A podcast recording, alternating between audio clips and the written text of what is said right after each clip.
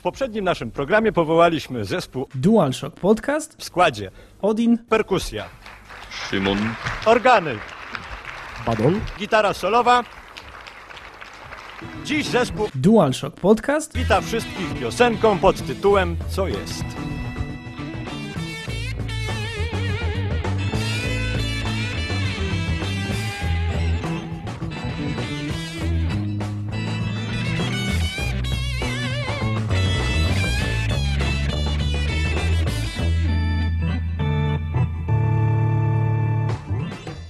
Okej, tak więc witajcie w 190 odcinku DualShock Podcast. Po dwutygodniowej przerwie wracamy. Dzisiaj mamy październik 14, a właściwie 14 dzień października, żeby ludzie się na mnie z nożyczkami nie rzucali w zębach. A witałem się z wami, Odin.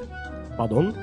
Szymon, Okej, a dzisiejsze tematy tylko cztery, ale dość mięsiste, czyli Middle Earth, Shadow of Mordor, opinie, relacje, wrażenia, następnie Island Isolation, izolację, gładzie i hydraulika, później The Evil Within i płacz, zgrzytanie zębami oraz ból wielki, a na samym końcu Robocraft, czyli Szymon zbuduje i zagra ze znajomymi. Zapraszamy.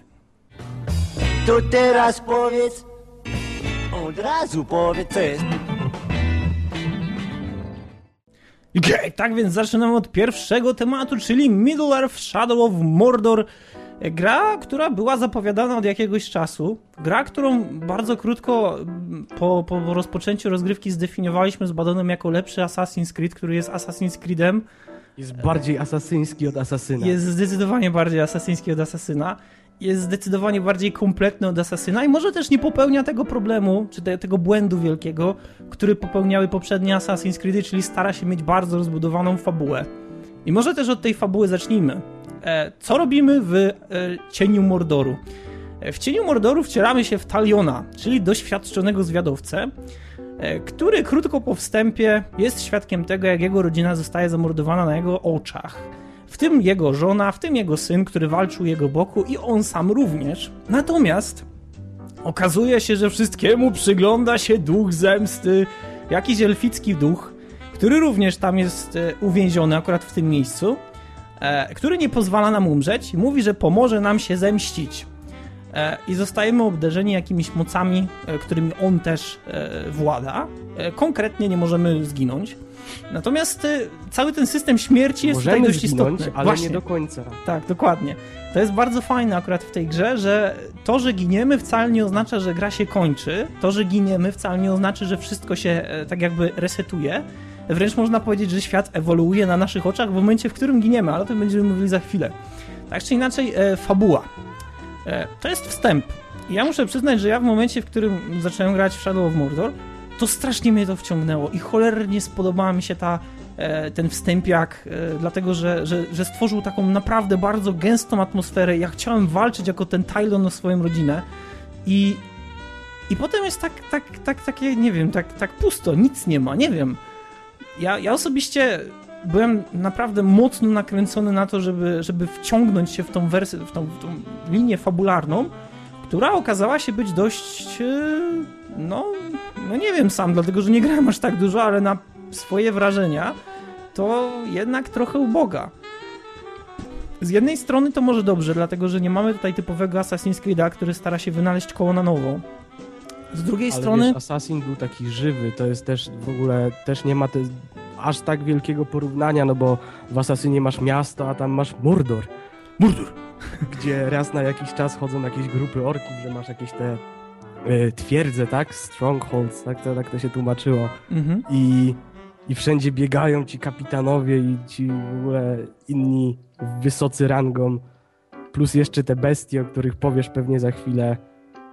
To nie Wiesz, jest to tak, nie jest aż taki, aż Ja- tak bardzo asasyn Ja rozumiem, jak... rozumiem, że jesteśmy wrzuceni po prostu w taki, w taki kocioł pełen orków, bestii i różnego rodzaju maszyn Sam oblężniczych. środek linii wroga. Tak, ale z drugiej strony brakuje mi bardzo takiej mocnej linii fabularnej, która by mnie złapała za przysłowiową mordę i ciągnęła do przodu, dlatego że e, zadań pobocznych mamy mnóstwo i to trzeba przyznać, że naprawdę jest tam dużo rzeczy, które możemy robić i świat jest na tyle rozbudowany, że mamy na przykład misję, gdzie musimy uwolnić jakichś niewolników, mamy na przykład misję, gdzie musimy zabić kogoś, zanim coś się stanie.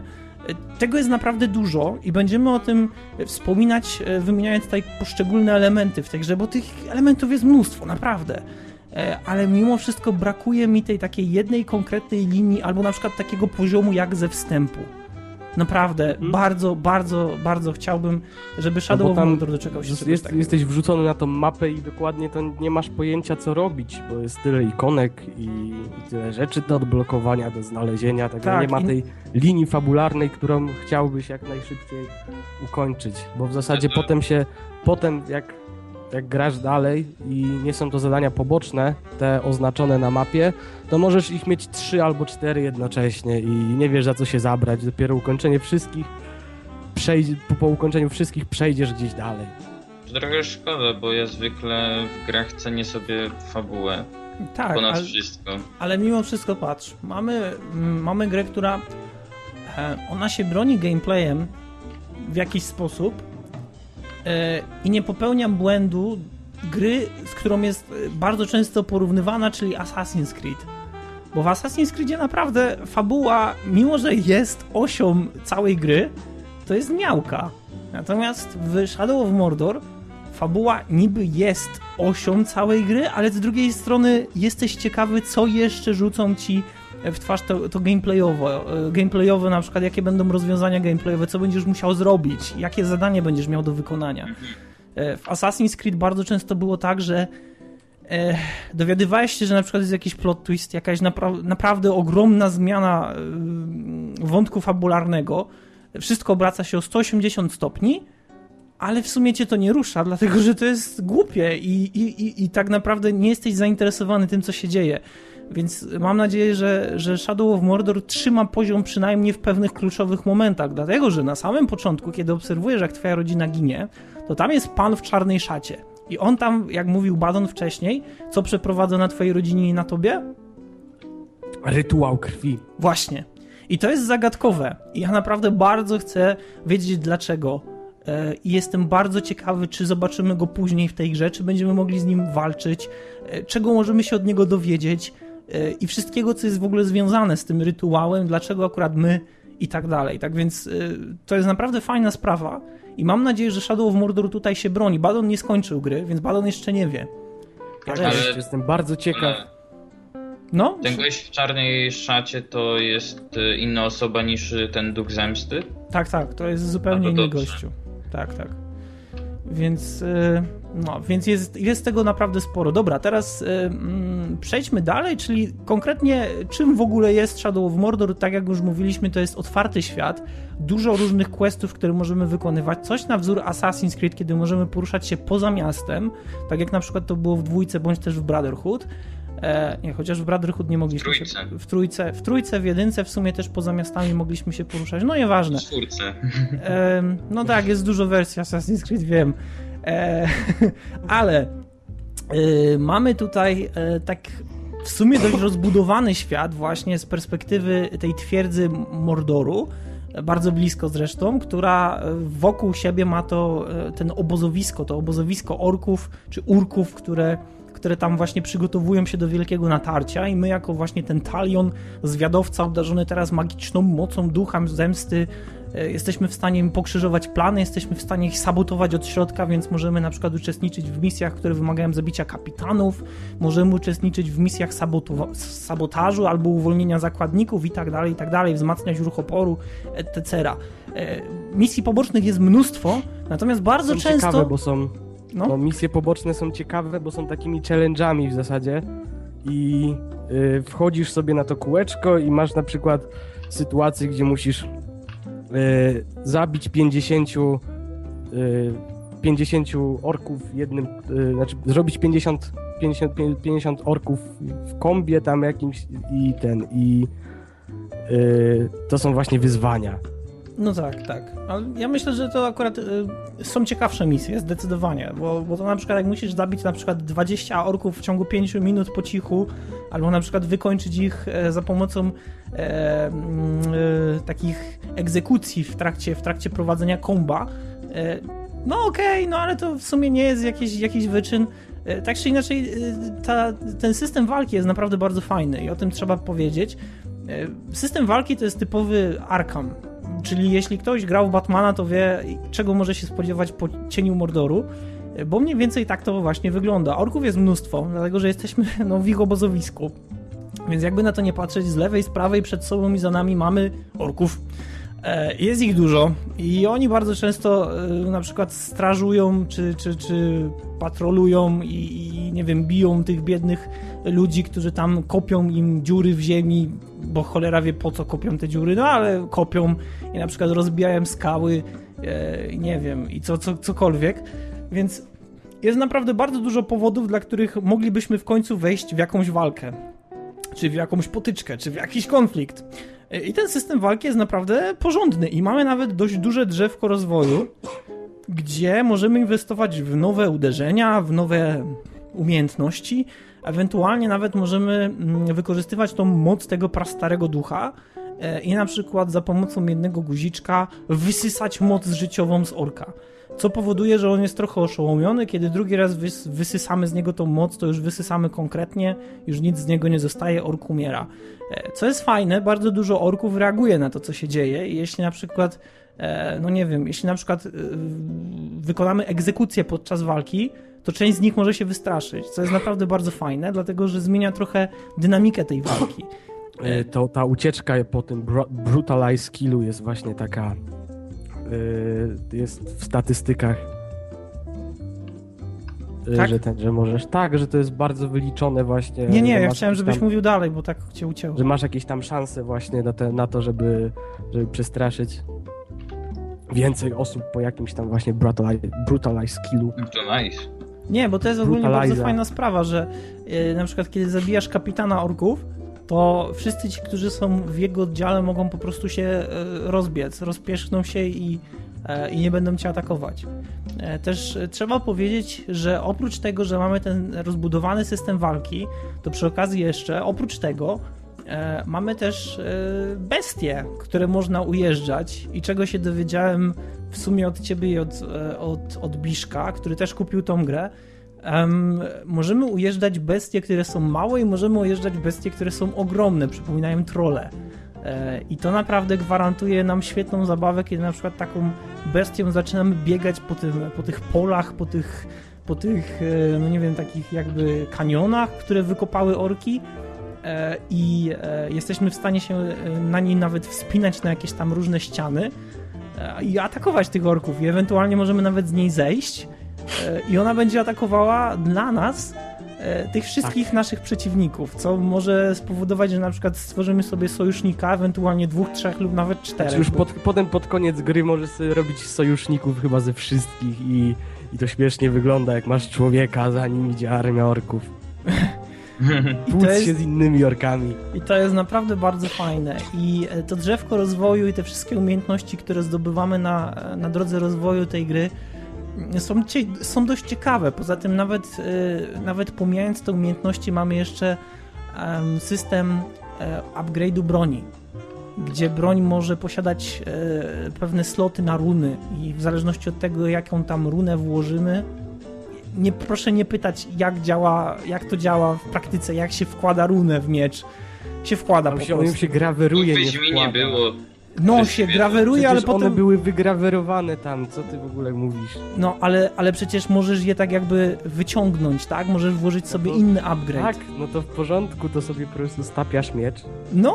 już maznąć Ale i potem runy można uzyskać, nie wiem, u jakiegoś sprzedawcy, czy Nie, coś. nie, A nie. to w już tej- pomijamy fakt, że to jest miecz z jakiegoś pewnie niezniszczalnego stopu mitrilu, czy coś takiego, ale co tam. E, nie, to jest ogólnie coś takiego, że po prostu za każdym razem, kiedy dostajesz, e, kiedy, kiedy zrobisz coś istotnego, to dostajesz pewną nagrodę. I na przykład, nie wiem, kiedy zabijesz tego i tego kapitana, jeśli zrobisz ten i ten, nie wiem, tą i tą misję fabularną, to nagle pyk, pojawia ci się możliwość, e, że, że, masz, że masz no, nowy slot na mieczu, na runę i możesz sobie runę włożyć, która już na przykład się grupuje od jakiegoś czasu dzięki tym wszystkim wyzwaniom, które ukańczasz i dzięki tym misjom pobocznym, które robisz, no, a teraz masz runy, no i masz na przykład dwa miejsca na mieczu i wkładasz sobie jedną i drugą runę, potem się e, rozmyślasz i wkładasz sobie inną i oczywiście w międzyczasie, nie wiem, pod pazuchą przetapiasz sobie ten miecz na szybko albo bierzesz papier 500 i szur, szur, szur, szur, ścierasz, no i grawerujesz kolejną runę, nie? Więc coś takiego. E, tak czy inaczej, system walki jest naprawdę świetny. E, możliwość ujeżdżania bestii też. Mamy też łuk, mamy e, sztylet, którym możemy e, dokonywać zabójstw po cichu. E, za pomocą łuku możemy strzelać z daleka, możemy na przykład nawet i przestrzelić nogę przeciwnikowi, który ucieka, żeby go dokończyć, co jest bardzo fajne. Teraz e, kapitanowie, ogólnie ten system promocji w, w armii orków, Badon, ja bym chciał, żebyś ty o tym, coś o tym powiedział, bo ja tutaj się produkuję i produkuję, produkuję. System awansu jest oryginalny i ciekawo, ciekawie rozwiązany, dlatego że orkowie grupują się na takie swoje rangi. Każdy ma obok swojego imienia y, i przydomku Swoją pozycję.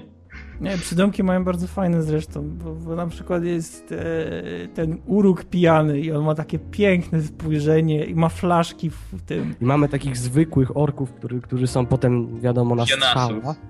Y, wodzów, którzy kapitanów, o kapitanów i wodzów. I każdy, każdy z nich jest cięższy do pokonania, ma mniej słabości albo jeszcze, jeszcze ciężej w ogóle go zabić. No, bo ten system słabości ogólnie, to jest, to jest bardzo fajna sprawa, że typowy ork, no on w sumie się nie liczy w grze, w rap grze, natomiast e, taki normalny kapitan, czy tam wódz, oni mają taką tabelkę, która e, ilustruje jego zalety i wady. E, I e, tych zalet na przykład może być niewiele dla orka, który jest nis, niski, niski poziomem, na przykład ma powiedzmy trzeci poziom mocy, bo tak w tej grze jest to nazwane. Natomiast Mhm. jak ktoś ma piąty, ósmy, czy na przykład trzynasty, Albo osiemnasty. to liczba plusów rośnie, a minusów y, praktycznie nie ma. Tak, i chodzą potem takie czołgi niezniszczalne, które po prostu nie masz pojęcia jak, jak z której strony ich dziabnąć. I żeby się dowiedzieć ogólnie o tym, jakie oni mają plusy i w ogóle dowiedzieć się, kim oni są, jak się nazywają, w ogóle Musimy jak złapać, wyglądają, musimy złapać jakiegoś pod, podrzędnego orka, Pionasa. albo takiego, który ma ten, który ma y, intels, y, nie wiem, jakiś tam y, E, wiedzę No na temat informacje, tak, mam. informacje, tak? I zapytać się, czy przejąć go, wejść do jego głowy i wziąć wszystkie informacje o... E, może, może tak inaczej, przesłuchać, żeby, żeby ktoś nie myślał, że musimy go przejąć i wejść do jego głowy. E, więc możemy po prostu kogoś złapać w trakcie walki, możemy wykonać zwy, zwyczajne przesłuchanie, gdzie ten e, demon zemsty się pojawia, ork się zaczyna nas bać, co jest zresztą bardzo fajne. Jak ktoś ma teksturki HD na PC zainstalowane, bo nie wiem czy na... Wydaje mi się, że na konsoli te tekstury są słabe dość. E, bo na PC na pewno są, ale mamy patch, który poprawia tak jakby te tekstury i można zresztą je sobie podbić jeszcze, e, co gwarantuje, że ten cały świat wygląda naprawdę świetnie. I kiedy jest to przesłuchanie, kiedy ten demon zemsty trzyma rękę na, na twarzy tego orka i on tak zaczyna przeraźliwie tymi oczami latać lewo, prawo, do góry, patrzy na nas, ucieka tym wzrokiem, to to jest naprawdę fajne uczucie, że ktoś się nas boi i to jest dobrze zaakcentowane. E, I oczywiście demon zemsty w tym momencie mówi coś po elficku. E, no, Fustroda na przykład i, ten, i, i możemy sobie wybrać z takiego fajnego rzutu izometrycznego, który prezentuje nam tą pseudo-armię tych kapitanów i wodzów. E, możemy sobie wybrać konkretną osobę, którą chcemy poznać i on nam na przykład mówi, że ten nazywa się, nie wiem, tam Uruk, y, Bogactwo, czy nie wiem, na przykład nieustraszony i na przykład ma takie słabości, takie ma, e, takie ma zalety i to jest tyle. No i oczywiście potem go zabijamy, bo, bo, bo talion się e, nie piepełni w tańcu i za każdym razem jak już, e, jak już wykorzysta biednego orka do, do swoich celów, to po prostu przebija mu głowę mieczem, co też wygląda całkiem przyjemnie. Znaczy nie z perspektywy są w orka. ogóle wszystkie bardzo fajne, ale też jeszcze nie o tym. Y, mamy taką sytuację tam, że w momencie, kiedy y, umieramy, odradzamy się potem na nowo w tej wieży jako, jako ten y, upiór i schodzimy dalej i możemy atakować. Jeśli zabije nas jakiś podrzędny ork, on awansuje i ma, nie wiem, większą zbroję i y, większy poziom mocy, także będzie się liczy, liczył się bardziej, bo zabił tego taliona. Mhm. Jeśli ten, jeśli zabije nas inny, y, inny jakiś tam wódz lub ktoś, kto jest bardzo wysoko, to oczywiście znowu dostaje jakieś te, jakiś, jakąś większą moc albo też awansuje. I są takie sytuacje, że gdy na przykład mamy drugie albo trzecie podejście do danego y, orka, bo na przykład bardzo chcemy go zabić, bo to jest nasz nemezis teraz, to są takie dialogi, kiedy, kiedy on mówi oho, ho, już raz cię zabiłem, przyszedłeś po więcej. E, To znaczy ten system Nemezis to może nawet doprowadzić do takiej sytuacji, że ten ork zaczyna nas szukać. To tak, nawet nie tak, jest kwestia... biega, biega taką większą grupką. Kurde, kamper jeden. E, nie, Tak. on po prostu, to, to jest właśnie ten system Nemezis. Jeśli pozwolisz danemu orkowi, żeby cię zabił więcej razy jak dwa bodajże, albo, albo trzy, e, to, To on zaczyna... To on fakty... Tak, to on zaczyna po prostu w praktyce polować na ciebie i... Pardon, i co jest fajne, w grze jak możemy się skradać, tak są niektóre orki, które na przykład mają lepszy zmysł węchu albo na przykład słuchu. Y, Kiedy próbujemy się do nich podkraść, to on momentalnie wie, że to my. Tak więc jeśli zdarzy wam się trafić na kapitana, który posiada takie cechy, to spróbuj się do niego zakraść. Nawet jak stoisz gdzieś wysoko, z czego zwykle orkowie nie patrzą do góry, nie wiem czy to są świnie, Mhm. które po prostu nigdy nieba nie widziały. Nie, oni, oni nie mają takich, nie mają takich umiejętności. nie mają takich Mogą ci zabijać priorytetów. bestie, ale niekoniecznie spojrzeć w górę. No, w góry nie wiem po co. E, No. Więc wiesz, więc nawet jak stoisz tam wysoko, to on zaczyna o, mm, mm, I feel meat, fresh meat.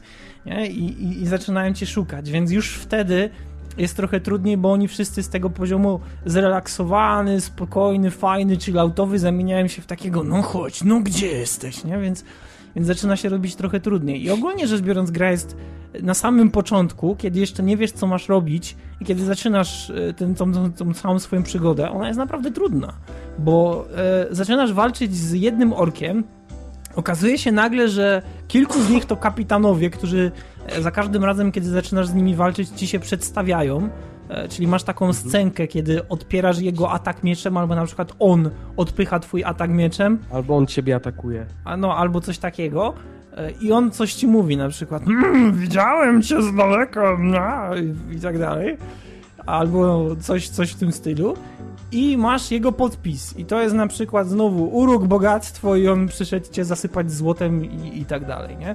Więc to jest fajne, to jest naprawdę fajne, ale jak zaczynasz grę i jak zaczynasz z nimi walczyć, to nagle pojawia ci się koleś z wielkim toporem, który ci się, nie wiem, tam jarzy, jak, jak on uderzy cię dwa razy, albo na przykład już na starcie w ogóle jest zapalony, Albo zatruty. albo zatruty, gość z trójzębem, który na przykład ma wielką tarczę ala Tower Shield, czyli praktycznie nie widać go w ogóle i pizga tym trójzębem w ciebie.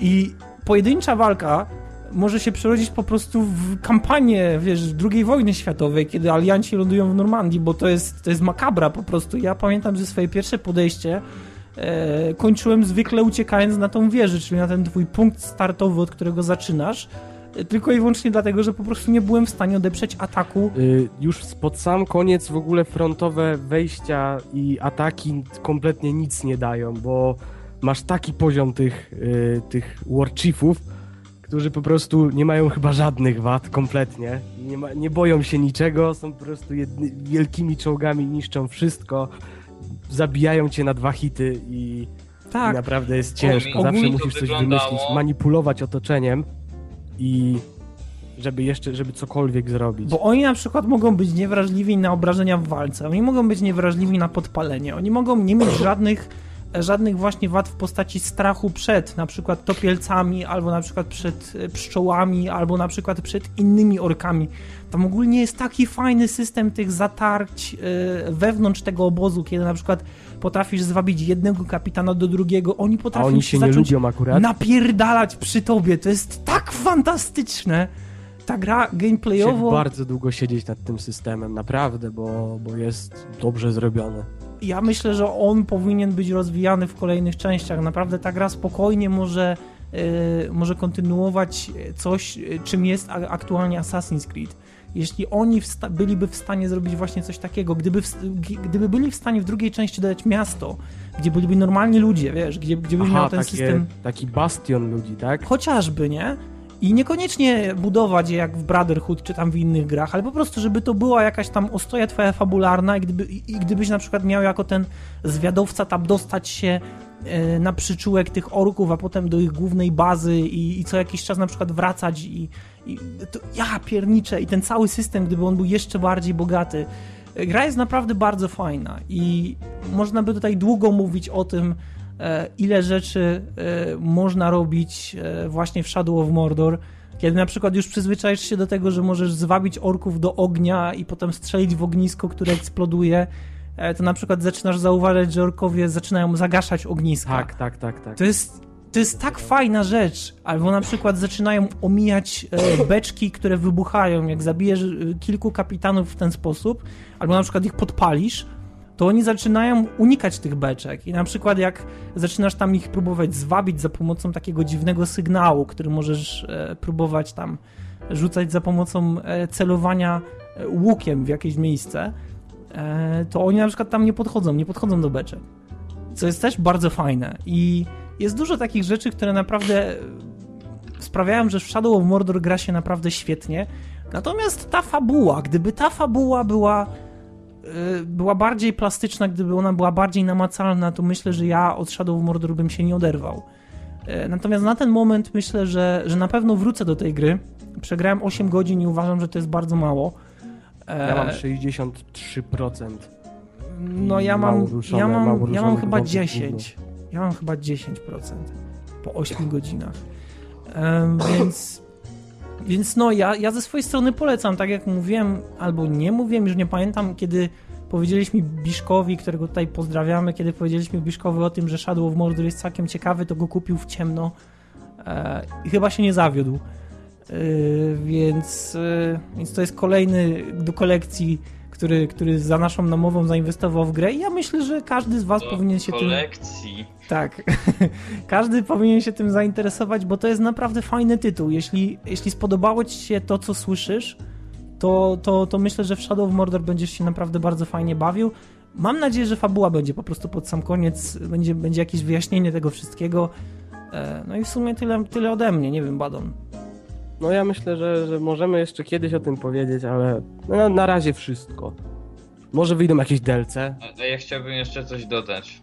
Zawsze myślałem, że Mordor jest krainą wulkaniczną. A tu No tam jest, jest dużo łąki. wulkanów. Ale jak widziałem gameplaye, no to tam jakieś kurde łąki, y, zielono. Znaczy tam są, jasno. tam, tam nie ma tylko jednej mapy, wiesz? A więc y, tam jest taka sytuacja, że w pewnym momencie ta mapa się zmienia i też y, Możesz się normalnie przenosić.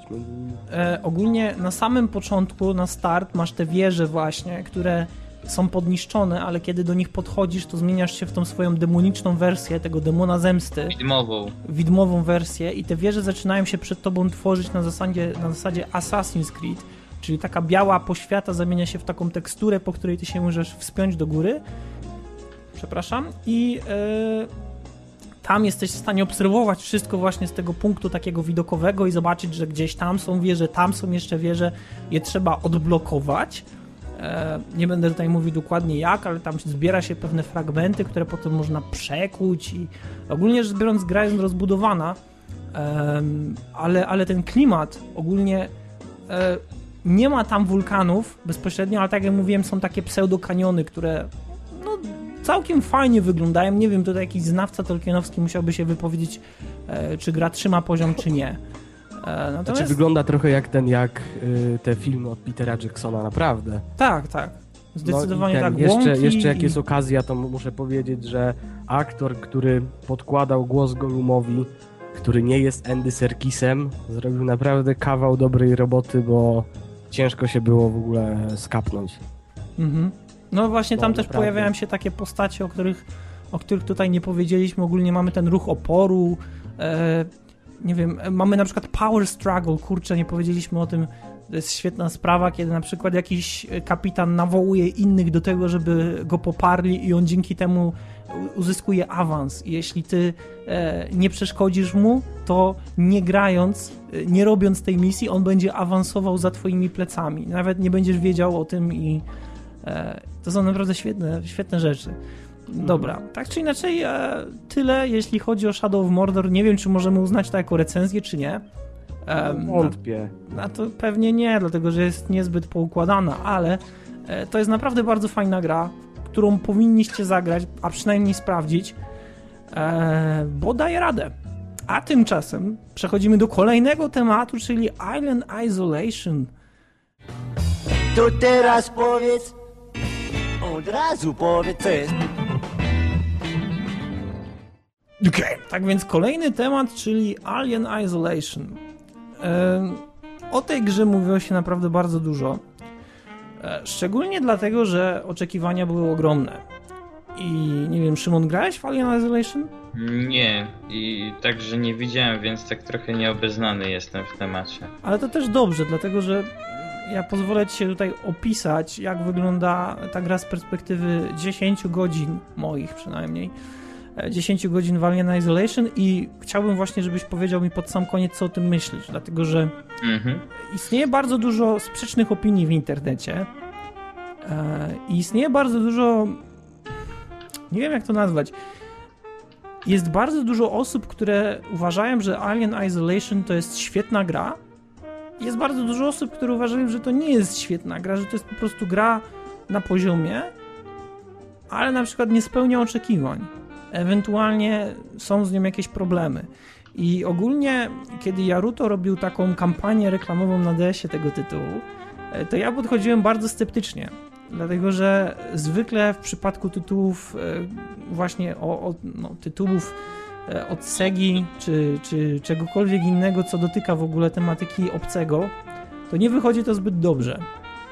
Natomiast tym razem Creative Assembly, odpowiedzialne za produkcję właśnie tego tytułu, myślę, że wywiązało się ze swojej odpowiedzialnej funkcji bardzo dobrze, a odpowiedzialnej dlatego, że bardzo wiele oczu zostało zwróconych właśnie w ich kierunku i myślę, że wiele osób e, oczekiwało spektakularnego faila na mianę Colonial Marines. E, co się nie odbyło, co nie miało miejsca i to akurat bardzo fajnie, dlatego że Colonial Marines e, było grą naprawdę złą i nie zasługuje na zbyt dużo tematu, czyli na zbyt dużo czasu tutaj, żeby, żeby opisywać w ogóle ten problem, więc sobie to odpuśćmy. Natomiast e, Alien Isolation moim zdaniem jest tytułem naprawdę bardzo w porządku. Natomiast oczywiście są pewne problemy, jak zawsze. Ale to są problemy, które dotyczą bardziej tego gatunku, e, a nie samej gry. Bo sama gra trzyma się pewnego schematu, który został wypracowany przez Amnezję i przez gry podobne. I myślę, że wywiązuje się w ogóle ze swojego zadania naprawdę bardzo porządnie. E, Fabularnie e, sterujemy mm, Amandą Ripley, to jest córka Ellen Ripley, e, tej właśnie bohaterki z filmów o obcym, która stara się dowiedzieć, co stało się z jej mamą. I dostaje propozycję, aby odzyskać zapis lotu z, ze statku jej matki, ze statku właśnie od Nostromo. E, Później, żeby nie zdradzać w ogóle fabularnie, jak to się rozwija, później z tego statku trafia na ogromną stację e, Sewastopol, e, z której stara się uciec. I tak mniej więcej wygląda, wygląda fabuła. Oczywiście w międzyczasie pojawia się Alien, czyli tytułowy obcy. Pojawiają się też inni przeciwnicy. I jak na grę typu Survivor Horror, czy Survivor Thriller, bo może tak powinniśmy to nazwać, e, to fabularnie myślę, że, że Creative Assembly zrobiło coś naprawdę bardzo fajnego. Czyli nie opierało się bardzo mocno na tym, jak, jak filmy e, Ridleya Scotta były, z, były, były skonstruowane. To znaczy, e, Cre- Creative Assembly zrobiło coś takiego, że mamy luźne odniesienia do filmu, co jest akurat bardzo fajne, dlatego że w przypadku Colonial Marines mm, Sega na przykład krzyczała, że spójrzcie, tak bardzo przykładamy się do autentyczności, że na przykład wykorzystaliśmy ten sam dźwięk e, strzału karabinu. Co, no okej, no jeśli faktycznie musimy uciekać do takich rozwiązań, no to w porządku, to nie jest złe posunięcie. No, natomiast y, czy jest warte wspominania? Może? Nie wiem, tak czy... Przepraszam, tak czy inaczej Creative Assembly myślę, że tutaj akurat zrobił bardzo fajną rzecz. E, Fabuła jest ok. Natomiast e, w grze typu Survivor Horror czy w Survivor Thriller, nie wiem, bo może już tak, takim gatunkiem powinniśmy właśnie operować, e, to nie jest tak bardzo istotne, chociaż potrafi przygwoździć grę, jak w przypadku Amnezji, która miała naprawdę bardzo złą fabułę. Jak to? No, Mnie- sama końcówka była mnie- straszna, moim zdaniem. No nie wiem, ja, mi się to podobało. mi się podobał początek, a im dalej w las, tym było gorzej. Nie wiem, czy w ogóle miałeś tą samą końcówkę, tak? Dowiedziałeś tym, się, Tam są trzy zakończenia. ale dowiedziałeś się, kto jest w ogóle tym, tym właścicielem tej wielkiej posiadłości i dlaczego w ogóle działo się tak, jak się działo i skąd się wzięły potwory i tak dalej? Nie pamiętam już dokładnie. Aha, no to może pomińmy. Tak czy inaczej, em, fabuła jest w porządku.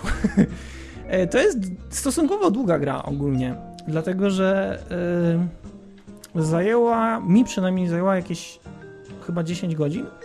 E, Natomiast standardowo w sieci istnieją informacje, że w granicach nawet 16-19, tak więc to jest naprawdę bardzo dużo. Em, tak jak mówiłem, mm, w grze tak naprawdę przewija się właśnie postać obcego, który akurat w tym wypadku, w wypadku tego tytułu, jest przeciwnikiem, którego nie da się zabić. E, więc on jest tak naprawdę nieśmiertelny i wszędzie, gdzie jesteśmy, może się pojawić. Tak więc z jednej strony to jest bardzo fajna sprawa, bo e, mamy takie momenty, kiedy obojętnie gdzie byśmy się nie udali, czujemy na sobie to widmo tego, iż zaraz obcy może wyleźć za rogu, ewentualnie zrzucić się na przykład z e, tunelu wentylacyjnego gdzieś w suficie. Z drugiej strony to też jest taka trochę dziwna sytuacja, że em, nie ma tego momentu takiego, kiedy możesz odpocząć. Co z jednej strony jest e, pozytywne, z drugiej strony może wpływać na frustrację. A o, o tej frustracji będę mówił za chwilę. E, Kolejnym, na, na, na, tak właściwie kolejnym frontem, z którym się spotykamy, to są roboty. E, I akurat na stacji Sevastopol bardzo często pojawiają się e, tak zwane working Joes. To są pracujące Janusze, jakbyśmy to przetłumaczyli tak na polski, które z racji tego, co działo się na Sevastopolu, zostały zaprogramowane przez sztuczną inteligencję w taki sposób, żeby bronić statku. I oczywiście wszystko to, co na tym statku żyje, jest uznane przez tą sztuczną inteligencję, przez te androidy Jako zagrożenie. jako zagrożenie, tak? Więc te androidy, idąc na przykład w twoją stronę i idąc, to jest bardzo fajne akurat. Exterminate. Nie, one nie mówią exterminate, one na przykład radzą ci, żebyś uważał na to, kiedy pracujesz. Albo na przykład rzucają ci tekst w stylu, że em, po zakończonych godzinach pracy personel nie powinien znajdować się na tym piętrze. I to jest takie, wiesz, to jest takie subtelne zaakcentowanie tego, że one mogą nie mieć zbyt dobrych, e, zbyt dobrych intencji, natomiast e, mówią w taki sposób, który nie jest e, impertynencki, nie jest skierowany bezpośrednio do ciebie, czyli tak jakby korzystają z tych kwestii, które mogą powiedzieć. I mówią to w taki sposób, żeby, żeby jakby wyrazić swoją niechęć, chociaż nie mogą tego zrobić bezpośrednio. To jest naprawdę świetna sprawa. E, I to, co też je charakteryzuje, to są takie świecące oczy. E, Przez co e, można czasami właśnie usłyszeć, chowając się gdzieś, dlatego że w grze bardzo często trzeba się chować. Można usłyszeć na przykład, jak chodzą po stacji i rozmawiają, czy mówią na głos, że personel nie powinien znajdować się tutaj, na tym piętrze po godzinach pracy. To jest fajna sprawa, dlatego że słyszysz ich kroki, wiesz, że gdzieś są, ale może na przykład niekoniecznie je widzisz. I to jest taki syndrom, mm, syndrom Hala, czyli takiego, wiesz, pozbawionego uczuć robota, Mhm. czy sztucznej inteligencji, która obojętnie ile razy cię zobaczy, zareaguje tak samo. Y, Bez uczuć kompletnie, bez jakiegokolwiek przywiązania, bez jakiejkolwiek agresji, to, to, to sprawia, że jesteś tak mocno wyalienowany w tej grze. I to też jest chyba dość mocne, mocny argument, e, który może być e, po raz kolejny, e, który może być brany na korzyść właśnie Aliena, ale jednocześnie też na jego niekorzyść. Ta gra się potrafi ciągnąć momentami i czasami bardzo długo nie widzimy nikogo więcej. Oprócz właśnie robotów, oprócz Aliena i też niektóry, niekiedy ludzi, ale którzy nie są do nas nastawieni e, pozytywnie. Nawet to, co mnie zdziwiło dość mocno, to grając w grę podczas jednego e, z ekranów ładowania dostałem informację, że e, ludzie mogą zachowywać się inaczej, jeśli podejdziemy do nich w odpowiedni sposób. Jaki to jest odpowiedni sposób? Dlatego, że obojętnie jakbym do nich nie starał się podejść, to zawsze do mnie strzelają. Hmm. Tak więc y, nie wiem, czy to jest kwestia niedopracowania, czy może po prostu faktycznie w założeniach było coś takiego, że można było podejść do tych ludzi bez wyciągniętej broni i oni by zareagowali na przykład na ciebie e, w taki sposób, że o, jesteś człowiekiem, świetnie, fajnie, może nam pomożesz. E, Nie, obojętnie ile razy bym próbował, zawsze do mnie strzelali, może to był po prostu oskryptowany moment i gdzieś na Sewastopolu faktycznie są ludzie, których możemy przekonać, żeby, żeby byli naszymi sojusznikami, e, poza tą ekipą, z którą tutaj, e, którą tutaj się dostaliśmy, nie wiem. E, tak czy inaczej, ludzie jak nas widzą, to zaczynają do nas strzelać, no i tyle. Chociaż czasami można wypracować bardzo ciekawe akcje. I tutaj zmierzamy tak jakby do kwintesencji aliena hałas. E, obcy najwyraźniej jest wyjątkowo ślepy i na najniższym poziomie trudności tam, to jest chyba casual, o ile dobrze kojarzę, e, to obcy nas nie widzi jak staniemy w miejscu. Jak kucniemy na przykład za czymś i, i nie będziemy się ruszać, może obok nas przejść i nawet nas nie zauważyć. E, na poziomie chyba tym rekomendowanym przez grę, czyli Survivor, e, możemy kucnąć na przykład pod stołem e, i on będzie przechodził obok tego stołu i on nas nie, nie zauważy w ogóle.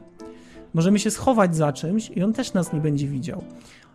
Natomiast jeśli spróbujemy iść i wydamy z siebie jedno tupnięcie nogą, to jesteśmy martwi. Dlatego, że momentalnie nas usłyszy i momentalnie zaczyna do nas biec. Tak więc tutaj akurat e, pojawia się pewien problem, dlatego że bardzo wiele akcji w tej grze e, one są hałaśliwe. I um, kiedy na przykład coś otwierasz, kiedy na przykład jakaś winda podjeżdża, kiedy jakaś kolejka, dlatego że w Sewastopolu można podróżować, podróżować kolejką między kolejnymi stacjami, co jest w ogóle wow, po prostu jak wielki jest Sewastopol, no ogromny chyba. Um, wszystko hałasuje i człowiek zaczyna się martwić o to, że każda akcja, którą wykonuje, jakoś tam przyciągnie tego aliena. E, I można też rozwiązywać te konflikty właśnie z ludźmi, którzy bardzo często mają rewolwery i są naprawdę trudni do pokonania. Jeden strzał, ewentualnie dwa i giniesz. E, bo w ogóle w grze mamy pasek życia, który możemy odnawiać, co myślę, że było błędem, ale już nieważne. To tak czy inaczej, e, w grze mamy różne takie gadżety, które możemy wykorzystać, i jednym z tych gadżetów jest e, taka zabawka, która hałasuje. I kiedyś zdarzyło mi się rzucić tą zabawkę w stronę ludzi, właśnie, którzy sobie tam stali, i schować się. I przyszedł obcy. I przyszedł obcy. I takie rzeczy widzisz typowo e, na filmach. Wiesz, że oni zaczynają się rozbiegać, zaczynają strzelać do niego, a on po prostu ich no, zabija na twoich oczach. E, w pewnym momencie niknie w ogóle, wiesz, jakakolwiek wizja, słyszysz tylko i wyłącznie same krzyki, same strzelanie i słyszysz to ciach i sraj w ogóle. I, i jest koniec, jest nagle cicho i słyszysz tylko takie tup, tup, tup, tup. Świetne, naprawdę, bardzo mi się to spodobało i cieszę się, że w ogóle można takie rzeczy eksperymentalnie wykonywać w tej grze. Tak więc gameplayowo, gameplayowo stoi to naprawdę na wysokim poziomie i te e, androidy, o których mówiłem, te androidy genialnie reagują na obcego. E, miałem okazję e, obserwować, jak android wykonując jakąś swoją rutynową czynność obsługi statku, chyba chodząc w jednym miejscu i nie wiem do końca co robił, tak czy inaczej widział obcego i zadawał mu pytanie What are you? I po chwili, po chwili coś tam mówił, że jakoś tak podsumowywał You are not a human, what are you? Jak, jakie to było świetne, że, że one reagują na, na to, że obcy pojawia się w ogóle w ich okolicy. Może to jest tylko i wyłącznie jeden tekst, ale, ale, ale to, to mimo wszystko buduje świetny klimat tego, że one, one są zdziwione, one nie wiedzą, co to jest. Nie zostały tak zaprogramowane, żeby... W... Słucham? E, te androidy są podłączone do jakiejś sztucznej inteligencji, czy nie? E, to znaczy, one teoretycznie e, nie są ze sobą zlinkowane, tak więc jeśli zabijesz jednego, to, to nie jest tak, że wszystkie zaczynają się na ciebie rzucać.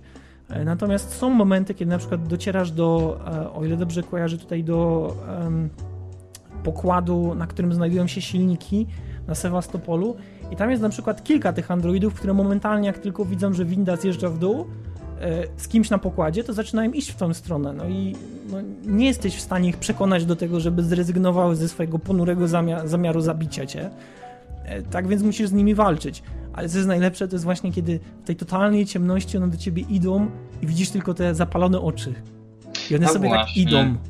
Tak, cyk, cyk. Ja nie wiem, to, to taka słaba technologia, że one potrzebują światła, żeby cokolwiek widzieć. E, to znaczy, wiesz co, nie próbowałem się przed nimi ukryć, dlatego że na Androidy działa wiele rzeczy. Androidy mogą wejść, bo w ogóle w tym świecie jest e, parę takich sytuacji, kiedy na przykład możesz zwabiać niektóre, niektóre jednostki w pułapki, na przykład jest elektryczna podłoga i można tak wymanewrować, e, żeby, żeby coś wlazło w tą elektryczną podłogę. Jak w Bioshocku, w wodę i porażenie. Nie, nie, nie, nie, nie aż tak. Ten świat A, nie jest zbudowany, nie jest zbudowany o takie zasadzki niestety. Ale, ale fajne jest w ogóle, że coś takiego istnieje. Na Androidy można, Androidy można próbować podpalić, co rezultuje tym, że taki zapalony Android po prostu na ciebie powoli idzie dalej. E, Co wygląda świetnie, naprawdę. I mm, chyba najprostszą metodą jest rzucenie bomby EMP, e, która je momentalnie wyłącza, ewentualnie odstrzeleniem, pardon, odstrzeleniem głowy za pomocą takiego pseudo-shotguna, który wygląda trochę jak jakaś, jak nie wiem, jak jakiś Gauss gun, e, ewentualnie strzelenie rewolwerem, co też nie zawsze skutkuje, albo użycie klucza, bo mamy taki ogromny kluczor, który ze sobą taszczymy e, i ewentualnie można się za jego pomocą bronić. Natomiast e, no, to, to nie jest poważny przeciwnik w tej grze. Który, można go ominąć, można się skradać. E, On jest bardzo, bardzo powolny i można go nawet w momencie, w którym on już wie o, naszym, o naszej obecności, można go kompletnie, wiesz, obiec i, i zostawić w spokoju. Natomiast fajnie, że w ogóle jest. Um, b, b, b, grafika, dlatego że o tym nie powiedziałem. Graficznie gra prezentuje się naprawdę świetnie i e, ja nie mam żadnych zastrzeżeń. E, mamy ten taki bardzo specyficzny klimat w tej grze, który bardzo przypomina właśnie mm, klimat właśnie z pierwszego filmu o, o obcym. Bardzo dużo takich ujęć, które eksponują, em, jak to się nazywa? Takie efekty soczewkowe, czyli na przykład e, nagle oślepia nas jakiś blask takiego pomarańczowego światła, który tworzy taką soczewkę na ekranie. Tego jest naprawdę bardzo, bardzo dużo, w ogromnych ilościach w niektórych miejscach. E, Jest bardzo fajnie skonstruowana zabawa światłem. E, W niektórych miejscach są na przykład kamery, które e, przesuwając się po ekranie, tworzą, e, przesuwając się po, po, po pomieszczeniu, tak jakby, wiesz, zaczynają je lustrować tą, tą swoją głowicą, to tworzą takie, takie siatki, tak jakby. Jeśli w nie wejdziemy, to oczywiście kamera nas wykryje, ale chodzi o sam fakt tego, że mamy, mamy tak jakby takie mm, takie artystyczne jakby wyobrażenie tego, w jaki sposób komputer zaczyna postrzegać otoczenie. I tego jest też bardzo dużo. Wizualizacji. Tak, tak, bo dobre słowo. E, ogólnie rzecz biorąc, Sewastopol jest ogromny i na przykład e, moje pierwsze, mój pierwszy kontakt, em, mój pierwszy kontakt z tym, e, z tym, z tą komorą właśnie silników, gdzie mamy jakieś, nie wiem, dziwne wyładowania elektryczne i tak dalej. Powiem Ci szczerze, że ja chciałem stam, stamtąd wyjść jak najszybciej, bo nie wiedziałem, co tam będzie. I tam było głośno, tam było bardzo ciemno, momentami robiło się przeraźliwie jasno i potem znowu momentami e, całkowicie ciemno, tak więc y, to, to jest naprawdę bardzo fajnie i klimatycznie zbudowana gra, która przy okazji jeszcze, to jest kolejny argument, y, który stoi za Alienem, ma świetny dźwięk. E, mamy naprawdę bardzo dużo różnych dialogów, które e, przewijają się na przestrzeni całej gry. Mamy e, właśnie odgłosy obcego, odgłosy tych androidów, które sobie pracują. Niekiedy nawet słychać ludzi, którzy między sobą rozmawiają, tak więc to są fajne, fajne rzeczy i przy okazji jeszcze muzyka nadaje taki bardzo niespokojny, niepewny klimat, że nie wiesz co się stanie, na przykład kiedy wzywasz sobie kolejkę, to słyszysz jak muzyka zaczyna tak, wiesz, przybierać na, tej, na tym impecie, na tym takim dynamizmie i czujesz, że zaraz coś się pojawi i nie pojawia się nic. Tak więc to jest akurat też bardzo... Na emocjach. Tak, to jest bardzo fajne i powoduje, że człowiek cały czas jest taki, wiesz, wystraszony, pełen niepokoju i nigdy nie wiesz, czy coś faktycznie się stanie, czy nie. To są plusy. Teraz minusy. Wypisałem sobie te minusy, dlatego że myślę, że warto, warto o nich wspomnieć. E, po pierwsze, postacie, czyli załoga, z którą udajesz się do statku Nostromo, E, Ta załoga jest tylko i wyłącznie po to, żeby, żeby zginąć. Naprawdę. Ja, ja nie wiem po co, po, w, jak, w jaki inny sposób można wytłumaczyć ich obecność tam. E, te postacie, niby e, te relacje w, w drużynie są jakby budowane i e, i widzisz tak jakby jak ludzie się do siebie odnoszą, że ci mają na przykład brytyjski akcent, ten, ten, ci nie mają brytyjskiego akcentu i oni na przykład robią sobie jakieś przykre komentarze i uwagi i tak dalej i to naprawdę fajnie buduje tak jakby ten klimat, ale to nie jest wykorzystane w żaden sposób. Przez większość gry ich nie widzisz, przez większość gry ludzie rozmawiają do ciebie przez radio, no i w sumie tyle. Ewentualnie raz na jakiś czas, jak ktoś z tobą gdzieś tam idzie, to ginie, bo go zabija obcy, no i w sumie wszystko. Tak więc nie wiem po co. Po co jest ta, ta drużyna, po, po, po co w ogóle Może te żeby wszystkie... mieć poczucie takiego bastionu, jak się Ale spotkasz właśnie- z nimi. Właśnie ja uważam, że to powinno być o wiele bardziej wykorzystane, bo, bo tego jest naprawdę bardzo niewiele, a gra zasługuje na to, żeby, żeby jednak mieć takie momenty, kiedy, kiedy widzisz, że Amanda na przykład zaczyna polegać na innych ludziach, a tak naprawdę to wszyscy polegają na niej. Wszyscy. Rozumiesz? Ona udaje się w misję kosmiczną z załogą wyspecjalizowanych inżynierów, gdzie wszyscy proszą ją o to, żeby coś zrobiła, dlatego że oni tego nie mogą zrobić, ewentualnie nie wiedzą jak, ewentualnie tylko ona może. Więc trochę głupie. Em, Jakby wzięła ich tylko dlatego, żeby mieć jakieś poczucie, że no, że nie jest może nie, nie sama. musi wszystkiego sama robić. Ale, ale ogólnie też gra właśnie polega na tym, że latasz z punktu A do punktu B do punktu C. I, I to jest ogromny minus. E, Praktycznie cały czas robisz to samo. I tak jak e, podoba mi się klimat, tak strasznie nie podoba mi się rozwiązanie gameplayowe, które właśnie ogranicza użytkownika czy gracza właśnie do wykonywania cały czas tych samych czynności.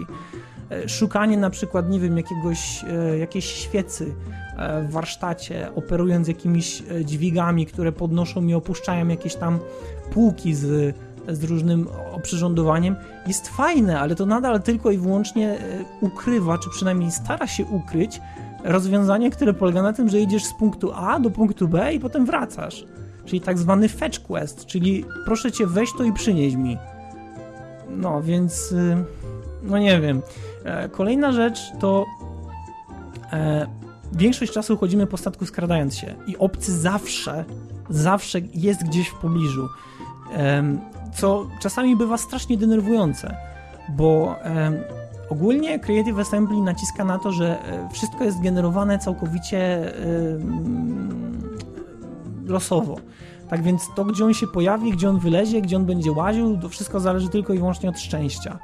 Natomiast w moim przypadku, w moim przejściu, czasami było tak, że obcego nie widziałem przez bardzo długi czas i ogólnie rzecz biorąc nie wiem, co się z nim działo. Czy on, czy, co on robił? Czy kupował pamiątki w ogóle gdzieś na tym Sewastopolu? Czy nie wiem, kawę pił? A czasami było tak, że obojętnie jak dobrze bym się skradał, to zawsze kręcił się gdzieś w tak ogólnym miejscu około mnie. Co było denerwujące, dlatego że nawet kiedy go wymijasz, to on po prostu jest tak jakby do ciebie przywiązany. Nawet w momentach, jest, momentami jest coś takiego, że spawnuje się przy tobie i nie masz jak mięska. zareagować. A wa- właśnie czuję mięsko. To jest wkurzające strasznie, bo, bo powinno być rozwiązane lepiej. Tak jak w Amnezji, czy mm, już nie pamiętam, ta druga gra, gdzie mieliśmy tą kamerę, zawsze zapominam tytułu. Outlast. Outlast. W Outlaście było tak, że te, te, te, te postacie tych, tych wielkich, złych bydlaków, które za nami biegały, e, one potrafiły być wyminięte do tego stopnia, że mogliśmy całkowicie z nimi, można powiedzieć, wygrać tą walkę pozycyjną i, e, i ominąć. Natomiast w przypadku Aliena czasami jest tak, że wykonując rutynowe czynności, ten obcy może się zrespić dosłownie przed nami i nie mamy szansy na jakąkolwiek reakcję. Po prostu w momencie, w którym on cię widzi, to jeśli nie masz sposobu, żeby go odepchnąć od siebie, ewentualnie wykorzystać miotacz ognia, to, to on cię zabije. Tak więc y, to czasami może być strasznie frustrujące, kiedy nie ma go przez bardzo długi czas, pyk, pojawia ci się przed oczami, giniesz. Tak więc e, to nie jest syndrom dobrej gry. To nie jest rozwiązanie, które wykonuje dobra gra. E, to jest rozwiązanie, które wykorzystuje gra, która stara ci się przedłużyć rozgrywkę. I ta rozgrywka naprawdę momentami może się ciągnąć, jeśli na przykład starasz się cały czas skradać, a praktycznie cały czas to robisz. I większość czasu właśnie chodzimy tak przykucnięci i staramy się rozeznać w tym, co się dzieje i, i gdzie, gdzie kto się znajduje. Natomiast w momencie, w którym giniesz, cały czas pryska.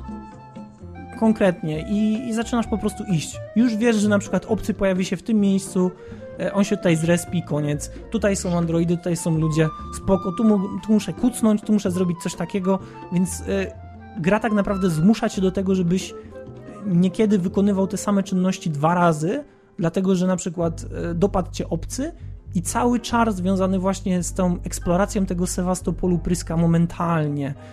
E, Druga... No, w Amnezji miałeś podobnie, tylko że w Amnezji było jeszcze gorzej, bo jak dedłeś, to potwora już potem nie było. I mogłeś sobie biegać ile chcesz.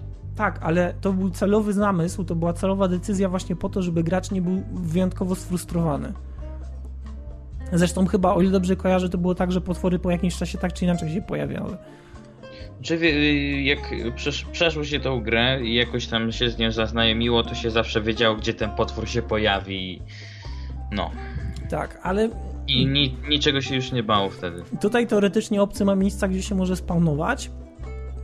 Yy, ale właśnie tak jak mówię, czasami jest tak, że po prostu wiesz już, gdzie będzie ogólnie, gdzie, gdzie, gdzie musi się pojawić. yy, I po prostu wtedy twoja podróż po Sewastopolu jest, jest no, chwilowa. Coś, co zajęło ci godzinę, teraz zajmuje 5 minut. Tak więc rozumiesz, yy, to naprawdę psuje klimat. Mm. W Outlaście miałeś coś takiego, że jak duży bydlak cię złapał, to on tobą rzucał, nie wiem czy kojarzysz, i Mhm. byłeś w stanie wstać i uciekać dalej. Genialne rozwiązanie, dlatego że daje ci szansę na walkę o życie. W, Amne, Boże, w Alien Isolation czegoś takiego nie ma. Obcy cię łapie, obcy cię zabija, koniec. Jest... No ale trochę trudno byłoby to zrobić w, Alien Isolation, bo obcy jednak jest tą taką kreaturą, która jest uber silna. Tak, ale widzisz, ale możesz go, możesz go odstraszyć za pomocą różnych rzeczy. Odstraszyć, nie zabić. Tak więc ja myślę, że o wiele lepszym rozwiązaniem byłoby dać możliwość dla gracza na przykład, e, nie wiem, zwykłej wstawki QTE, Quick Time Event, Mm. żeby mógł Nie jeszcze wiem, coś walczyć... tam latarkę wyciągaj, czy coś innego. Chociażby ten miotacz ognia, albo kluczem, albo cokolwiek, wiesz, e, może nie na samym początku, kiedy nie mamy tego miotacza, kiedy nie mamy bomby, kiedy nie mamy mołotowa, e, kiedy nie mamy rewolweru, ale, ale w momencie, w którym mamy już te rzeczy, myślę, że e, myślę, że stworzenie tego klimatu, że teraz obcy wie, że tutaj jesteś i on już czuje mięsko, jak powiedziałeś, byłoby zdecydowanie lepsze niż po prostu powtarzać jeden chapter od nowa, wiedząc gdzie wszystko jest i po prostu biegnąć już na pałę. Bo no przyznasz mi, że to psuje fabułę i psuje ogólnie klimat tej gry, która, która naprawdę ma fajny klimat. Teraz y, kolejny minus, jeszcze jest jeden. E, Kolejny minus to jest to, że cały czas y, widzimy tego obcego. E, Jest takie powiedzenie, że jeśli widzisz coś, co cię ściga, jeśli widzisz y, swoje, swoje Nemezis, e, to ten strach przestaje być taki nieokreślony, on przestaje być niezdefiniowany, on przybiera formę. On ma swój kształt, on ma, on ma swoją wielkość, wagę, szybkość. To przestaje, by, to przestaje być straszne. W Amnezji mieliśmy coś takiego, że jak patrzyłeś na te potwory, to, to ekran się rozmywał. W Outlaście było coś takiego, że jak patrzyłeś na te potwory za pomocą tej e, Mary. kamery, ale tej ter, nie termowizji, tylko noktowizji, Tak. to one były całe zielone i miały tylko takie białe oczy. E, to było fajne, dlatego że kiedy przed nimi uciekałeś, to zwykle uciekałeś przed nimi, e, dlatego że na przykład wyczuły cię gdzieś w ciemnym pomieszczeniu e, i patrząc na nie, tak naprawdę nie miałeś zdefiniowanego ich, ich kształtu. One były po prostu wielkie i sapały. E, A resztę dorobiła wyobraźnię. tak, a tutaj nie ma. Nie ma, nie ma gry wyobraźni. Obcy jest taki i taki. I po prostu wiesz, wiesz jak wygląda, wiesz, wiesz jak się zachowuje. Szkoda, dlatego że gdyby obcy był e, o wiele bardziej obcy, czyli na przykład łaził po sufitach, ewentualnie ukrywał się w ciemności i nie chodził jak, nie wiem, jak jakiś japoński turysta robiąc zdjęcia wszystkiemu, dlatego że on łazi po tym statku dosłownie tak jakby, nie wiem, tak jakby zgubił 10 groszy. E, 50 groszy.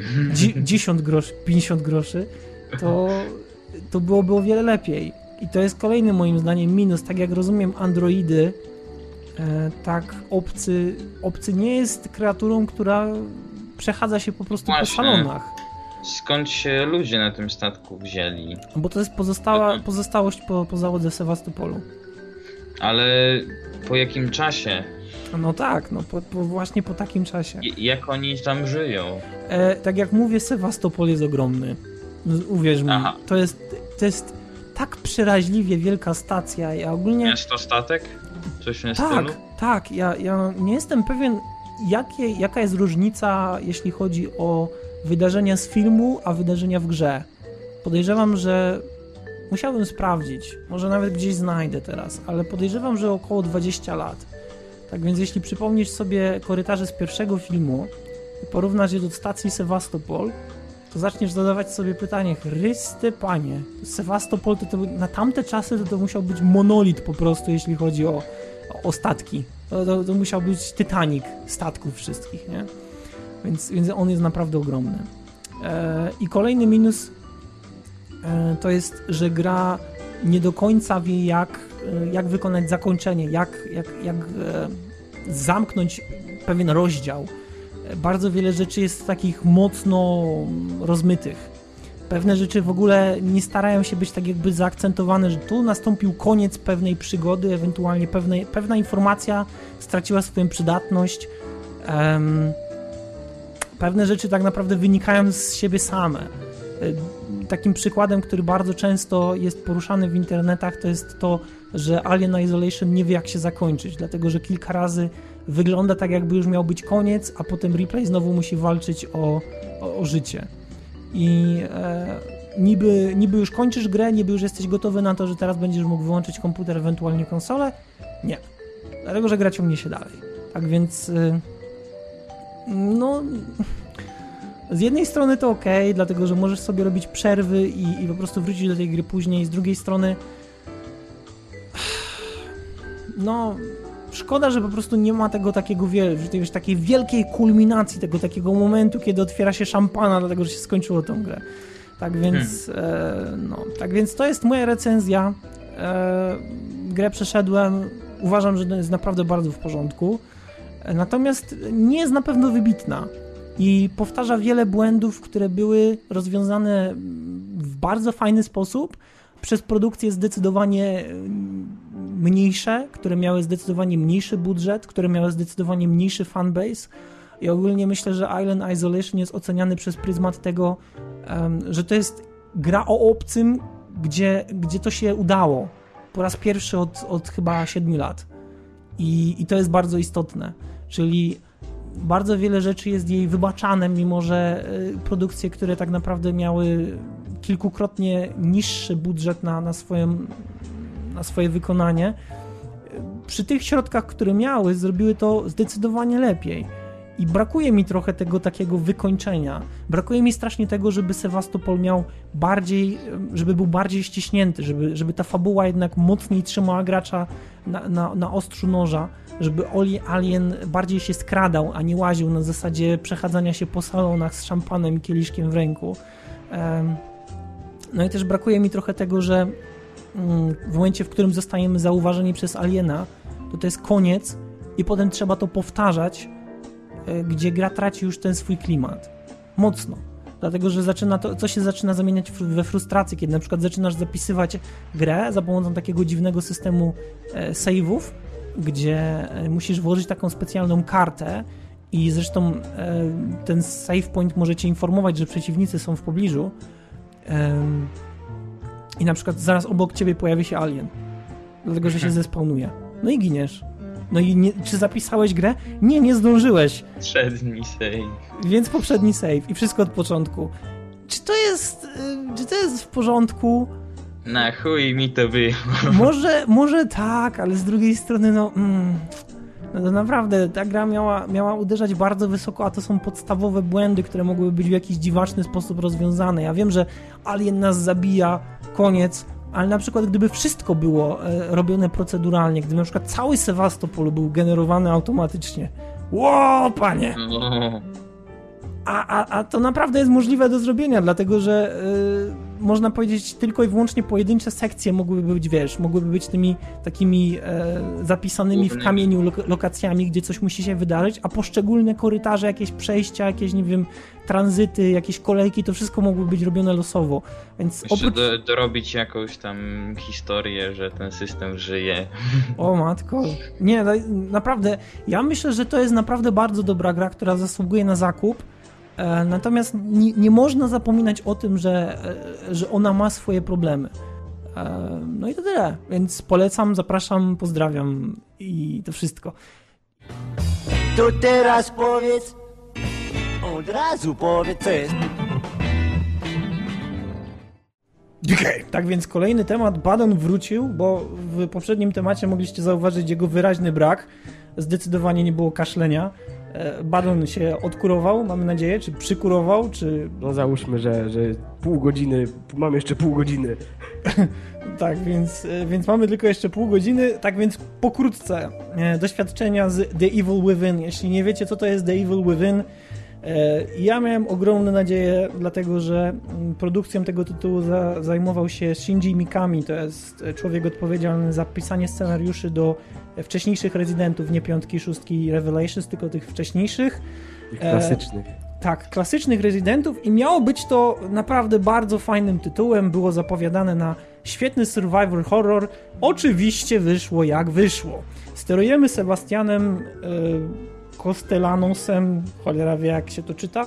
Tak czy inaczej jest on detektywem, który został wezwany do mm, sprawy rzezi, y, która została y, wykonana w szpitalu dla obłąkanych. Y, Chwilę później po przybyciu na miejsce zostaje zaatakowany e, przez tajemniczą postać, budzi się zwisając na łańcuchu czy tam na jakiejś linie, obserwowany przez, jakąś maniaka, przez jakiegoś maniaka z jakimś dziwnym mm, pojemnikiem na głowie, który w ręku trzyma piłę mechaniczną, no i zaczyna uciekać i powoli stara się e, ułożyć puzzle, co się w ogóle stało, gdzie jest, co się z nim działo i tak dalej, i tak dalej. E, Ogólnie rzecz biorąc, 6 godzin w grze, E, Z mojej strony scenariusz nadal nie został wyjaśniony w żaden sposób. Przestało mi zależeć w ogóle na tym, co się dzieje w tej grze. E, Jakiekolwiek e, relacje między bohaterami są żadne. E, Ogólnie rzecz biorąc, więcej się tam strzela niż e, w poprzednich rezydentach. Mimo, że amunicja jest niby jakoś e, naprawdę rzadka i, i trzeba ją oszczędzać, to z drugiej strony, jakby się tak zastanowić, to, to w sumie nie warto bo, bo nie ma żadnej kary za to, że nie zabijamy potworów, ewentualnie są kary za to, że zabijamy potwory. Przestaje to w ogóle mieć jakikolwiek sens, kiedy nagle okazuje się, że przez większość czasu mogliśmy niczego nie zabijać, a potem okazuje się, że jednak tą konkretną postać zabić musimy. E, Tak więc nie wiadomo do końca o co chodzi. E, ogólnie rzecz biorąc, gra jest tak naprawdę dla mnie nadal wielką zagadką. E, tak jak powiedziałem, kompletnie mi już nie zależy na tym, żeby ją zrozumieć. Y, A wiesz, znaczy możesz powiedzieć, jak gameplayowo to wygląda? Czy to jest bardziej Silent Hill, czy Resident Evil? To jest bardziej e, Resident Evil 6. Em, system A, walki czyli jest. ten, czyli zabijasz, tak? tak? Nie Tak, wiem, masz jakąś tam broń przez cały czas przy tak. sobie i... Już, już ci mówię, to jest tak. System walki jest strasznie prosty. Czyli masz kilka broni, które możesz wykorzystać. Na przykład masz kuszę, która przyjmuje kilka tam rodzajów strzał. Niektóre są zapalające, inne są z ładunkami wybuchowymi i tak dalej. Masz shotgun, masz pistolet. W każdej nowej grze jest Właśnie. dobrze. E, Z tym, że problem polega na tym, że celowanie w ogóle za pomocą myszki e, i klawiatury, w ogóle sterowanie postacią jest tragiczne. Twoja postać pływa dosłownie. E, Na klawiaturze to jest tak odczuwalne, że ja się przesiadłem na, na joypada, e, czyli joypada, e, gamepada xboxowego. Na kierownicę. Na kierownicę. tak czy inaczej jest lepiej, ale to nadal jest po prostu tragedia, jak widzisz, jak twoja postać po prostu wykonuje takie zamaszyste łuki, kiedy chce się obrócić. Ja wiem, że bardzo często się mówi o tym, że e, takie pokraczne sterowanie buduje jednak poziom trudności w grze typu survival horror, ale w Devil Tak, Within musisz ten, musisz się bać tego, że, że nie wciśniesz czegoś dobrze i że zginiesz przez to, a nie, nie że goni cię jakiś potwór. Ale tutaj, Oczywiście. tutaj To jest akurat to prawda. tutaj to wkurza strasznie, wiesz? To jest strasznie denerwujące sterować tą postacią. No to, a w tych Resident Evil nie było czasem tak, że ta kamera była taka pojebana? To znaczy, tutaj nie ma takiego problemu, dlatego że obserwujesz z perspektywy trzeciej osoby, ale to, to nawet nie chodzi o sam fakt tego, że, że sterowanie jest złe, tylko o to, że podwozie było złe. Wszystko, wszystko, jest, wszystko jest, jeśli chodzi o to sterowanie, spieprzone i widać, że ktoś chciał, żeby ono było dobre, ale mu nie wyszło. Co innego, kiedy ktoś celowo robi, żeby to było złe. Ale tutaj podwozie też jest złe. Tutaj, tutaj ktoś bardzo chciał, żeby się udało i sterowanie postacią jest po prostu pokraczne. Już nie mówię o tym, że trzeba omijać pewne pułapki, I, I czasami naprawdę może to frustrować, że, że nie wiesz do końca, jak blisko możesz podejść na przykład, e, czy jak daleko musisz przejść, żeby się wyprostować, bo nie widzisz linki, o którą możesz zahaczyć i twoja postać na przykład jak wstaje, może ją zahaczyć dubskiem i, i coś się dzieje wtedy, nie? Tak więc mamy ten system walki, system broni. E, broni nie można upgrade'ować, ale w ogóle można upgrade'ować siebie. E, o tym będę mówił za chwilę. Przeciwnicy. E, przeciwników niektórych, tak jak mówiłem, można nie zabijać, można ich zostawić, innych się nie da zabić, a innych zabić Ale trzeba. dostajesz, jako, jest jakiś system nagrody za to, że, że nie zabijasz, tylko że jesteś selfie, Tak, wiesz, dupa. cwany lisek. Tak, dupa, tak jak mówię, nie ma, że, nie ma czegoś takiego. Masz No to... możliwość skradania, kiedy masz takie obli, oblivionowe oczko, czy tam skyrimowe oczko. I jak ono No. jest takie zamknięte, to znaczy, że maszkara cię nie widzi. Jak jest otwarte, to znaczy, że cię widzi. Z tym, że przez całą grę ścigacie jeszcze taki właśnie gość, który jest tą wielką taką siłą sprawczą w tym całym świecie koszmarów. E, I on jest niezabijalny, on się może teleportować, on się może pojawić w dowolnej chwili. I ty musisz Ten się przed nim... Słucham? Ten z piłą, czy jaki? Nie, to nie, nie, nie, nie, nie. To jest taka zupełnie inna postać. To jest Ale to jest w ogóle bardzo słabe, że, że system skradania jest zero-jedynkowy, czy, czyli albo cię widzi ktoś, albo nie. Nie, nie, nie jest, jed, nie jest zero-jedynkowy. Potwory mogą tam mieć jakieś, wiesz, jakieś tam wnioski, że może się gdzieś tam znajdujesz, jak się ukryjesz, bo możesz się ukryć, na przykład możesz się schować pod łóżko, to one potrafią cię, wiesz, e, ominąć kompletnie i na przykład e, wydawało im się, że coś tutaj jest, no ale tego nie ma, więc... Nie, no to, to zobaczyłem przed chwilą, kurczę, taki moment na extended gameplayu, gdzie gościu przez szybę widział e, bohatera. Bohater widząc potwora schował się do tej jakiejś szafki. Mhm. No i e, po jakiejś chwili przyszedł potwór do tego pomieszczenia, ro- wytorował sobie drogę, coś tam porozwalał. I nie. Wszystko rozwalał w tym pokoju, ale tej głupiej szafki nie sprawdził. Ale wiesz co, to jest dokładnie ta sama sytuacja, jeśli chodzi o wle- w- jak wejdziesz pod łóżko, jak wleziesz, wczłapiesz, wczołgasz się pod łóżko, e, to taki owładnięty, ta dusza taka, bo oni mają tam swoją specyficzną nazwę w grze, e, o, o, opanowani, No jego tam czy nie ma, no nie. wie jak. E, oni, oni właśnie robią coś takiego, że łażą wszędzie, tylko nie w miejscu, w którym ty siedzisz, nie? Immun. Więc system skradania jest naprawdę dziwny. Naprawdę szczęście. Ale, ale właśnie na tym tutaj chciałem też e, powiedzieć jedną rzecz, że masz taką sytuację, że e, ta postać, właśnie ta zła postać, ona się może pojawić w dowolnym momencie. Nie wiem, czy jest faktycznie tak, że ona się pojawia w dowolnie losowym momencie. Bo zdarzyło mi się w tej grze zginąć kilka razy i zawsze pojawiała się mniej więcej w okolicach e, konkretnych tak jakby lokacji. E, ale to jest coś takiego, że kiedy on się pojawia, ten gościu, nie pamiętam, on ma jakoś na R, na R na imię w grze, tak, się, tak, tak go nazywają, e, to kiedy on się pojawia, to ogólnie rzecz biorąc, tak jakby wszystko na mapie zaczyna zdawać sobie sprawę z tego, że tutaj jesteś. Albo ewentualnie tworzy się taka sytuacja, że ty się skradasz i omijasz te maszkary, a ten gostek się pojawia, on cię widzi, bo on zawsze wie, gdzie jesteś, tak długo jak nie wejdziesz pod łóżko albo do szafki, E, I on idzie w twoim kierunku i ty zaczynasz uciekać i wtedy wszystko na mapie już wie, gdzie jesteś i zaczyna cię gonić. sobie sprawę, że to brzmi bardzo budżetowo. Ale to jest, to jest naprawdę bardzo słaba gra, właśnie do tego zmierzam, że miałem bardzo duże nadzieje i ta gra jest naprawdę słaba. Ona jest tak strasznie słaba, że to jest aż nieporozumienie, żeby wypuszczać w 2014 roku grę, która jest uboższa gameplayowo od Residenta 5, No. 6, 4. Kurde, to, to, to wygląda jak zabawa w berka. Dotykasz Ale- ściany i, i immun. Ale okej, czekaj, bo, bo tutaj nie powiedziałem wszystkiego.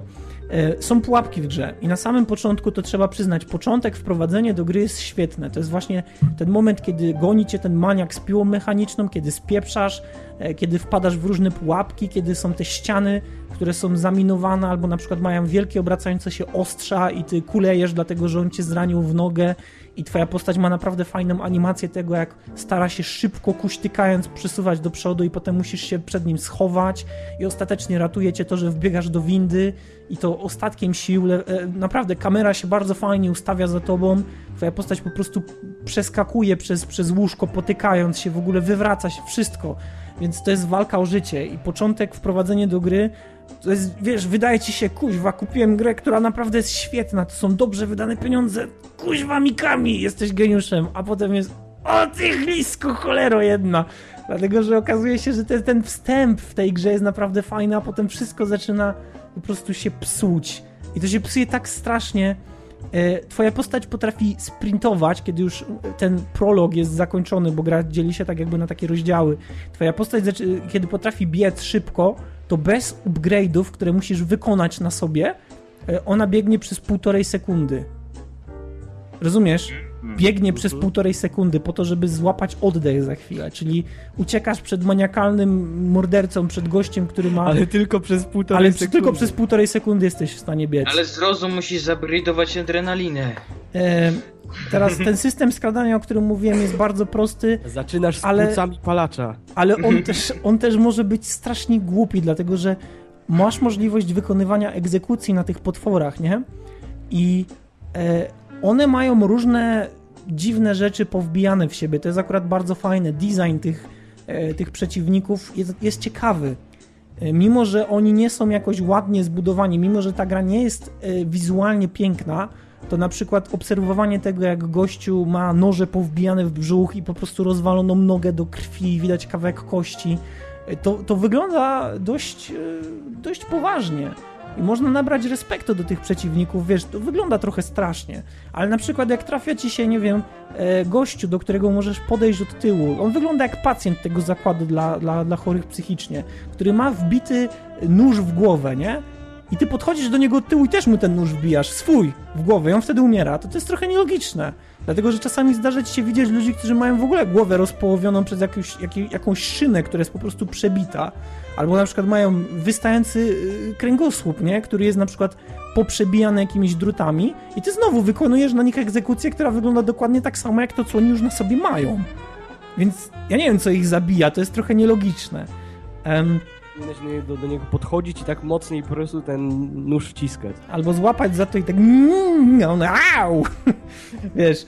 em, teraz y, tak, ogólnie fabularnie, ja tak jak mówiłem, nie wiem o co chodzi i nie mam najmniejszego pojęcia, że w ogóle cokolwiek zostanie wytłumaczone, ale z tego co zrozumiałem, a muszę się przyznać do tego, że po dwóch godzinach przestało mnie w ogóle obchodzić, co się w tej grze dzieje, bo sam wstęp jest świetny, potem się wszystko psuje, to w tym zakładzie były wykonywane operacje tak jakby na e, świadomości pacjentów, tak żeby zlać ich w jedną jakąś masę, w jakąś taką ogólną, wielką świadomość, e, żeby otworzyć wrota do innego wymiaru, e, Mhm. które, e, które tak jakby przerzuciły część e, świata koszmarów do świata rzeczywistego, w którym znajduje się nasza postać, która jest tak jakby w kilku miejscach naraz.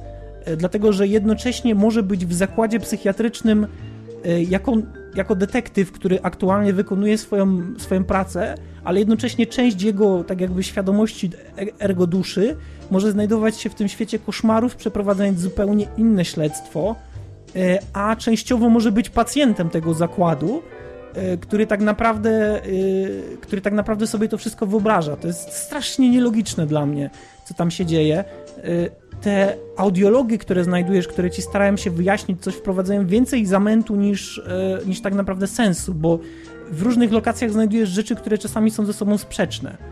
E, Na przykład w jednej znajdujesz informację o tym, że to wszystko jest e, żart, że to wszystko jest e, kłamstwo, że to, co się dzieje, jest wytworem chorej wyobraźni jakiegoś e, wielkiego i naprawdę potężnego cholera wie kogo, a w innej, a, a w innej lokacji znajdujesz e, informację o tym, że e, tak naprawdę to wszystko jest wina szefa tego zakładu, który przeprowadza właśnie operację masowego, tak jakby ma- masowej aktywizacji mózgu pacjentów za pomocą jakiegoś wszczepiania, wszczepiania jakiejś igły w o, ko, konkretne obszary mózgu i aktywacji czegoś. Kuźwa, no po prostu koniec. I co jest najlepsze? e, jest taki Game Hub, czyli w tych swoich zmaganiach z tym całym światem, twoja postać cały czas brnie do przodu i napotyka na różne lokacje i tak dalej i raz łazi po tym, e, po tym e, zakładzie dla, dla, dla obłąkanych, innym razem e, po jakimś mieście, które jest zatopione, innym razem po jakimś targu, gdzie, gdzie, gdzie znajduje te, te maszkary tych, tych opętanych. E, Twoja postać ma możliwość cofnięcia się tak jakby do Game Hubu za pomocą wpatrywania się w lustro. Dlaczego? Nie wiem. Jak to się dzieje? Nie wiem. Czy gra to tłumaczy? Nie. E, Budzisz się w celi dla, dla pacjentów, e, wychodzisz z tej celi, e, ze swoim oprzyrządowaniem całym i tak jak e, tak jak w grze zbierasz, tak jakby z, możesz zbierać taką zieloną maść z głów y, zabitych maszkar, tych, tych przeciwników, to potem siadasz na krześle, które nakłada ci taki dziwny garnek na głowę, taką jakby ma maszynerię na głowę i, i masz możliwość upgrade'u, który wygląda tak jakby ktoś cię raził prądem. I ty nad tym, ty, ty w menu wybierasz sobie na przykład, że biegniesz teraz nie półtorej sekundy, tylko dwie i twoja postać dostaje wstrząs na ekranie, nie? Coś jak obserwowanie tego na przykład jak w Dead Space, jak robiłeś upgrade e, swojego kombinezonu, to wychodziłeś z tej maszyny już z takimi dodatkami, nie? Tu- Tutaj akurat widzisz za każdym razem ten wstrząs. To jest tak, jakby twoja postać dobrowolnie po prostu właziła na krzesło elektryczne czy jakąś maszynę do elektroterapii, elektroszoku i sama sobie zapodawała ten szok. I na przykład jak wychodzisz z, te, z tego pokoju, gdzie jest to krzesło, to mijasz recepcję, na którym przy, przy której może wyjść pielęgniarka, która jest widmem, bo za chwilę znika i mówi do ciebie, czy czujesz się, czy czujesz się już lepiej, Sebastianie? I ty potem Brzmi wracasz słabo, z powrotem, Naprawdę. ty, ty wracasz potem z powrotem brzmi do tej celi i patrzysz znowu w lustro i git i wracasz do gry. Mm. No nie. A też e, z racji tego, że gram na PC, to muszę powiedzieć o paru takich konkretnych rzeczach. Po pierwsze, gra nie jest wcale ładna. Po drugie, jest ograniczona do 30 FPS-ów. E, Po trzecie, nie potrafi utrzymać tych 30 FPS-ów, bo czasami spada do 15. E, Po czwarte, ma czarne pasy u dołu i na, do- na, na górze, czyli tak zwany system kinowy, niby, który ma polepszyć, e, polepszyć e, doświadczenie, chociaż tak naprawdę jest po prostu wierutnym kłamstwem, bo to jest zwykła próba wytłumaczenia przez Bethesdę, że nie, ich silnik do tej gry nie był w stanie się sam uciągnąć. Na konsolach, jak oglądałem, to bardzo często jest y, y, w praktyce możliwe zobaczyć, że, że gra zwalnia do 15 klatek. U mnie, u mnie regularnie 24. Dopiero za pomocą jakiejś dziwnej komendy można sobie odblokować 60, y, Ale i gdzie tak- gra tak naprawdę wtedy zaczyna jest, lepiej nie wiem, działać. 20 pewnie momentami. Tak, a na konsoli spada to do 15. Ja, ja uważam, że to jest po prostu żart jakiś, nie? Na W konsoli. 2014 roku to jakoś tak nie powinno przechodzić. Rozumiem jakby to, jak to na przykład jest ten nowy Dead Rising. I ten, Dużo zombie. Tam naprawdę to jak dużo zombie jest generowanych i w ogóle wszystkiego, to ja rozumiem, że to na PC ma przyblokowane te 30 klatek.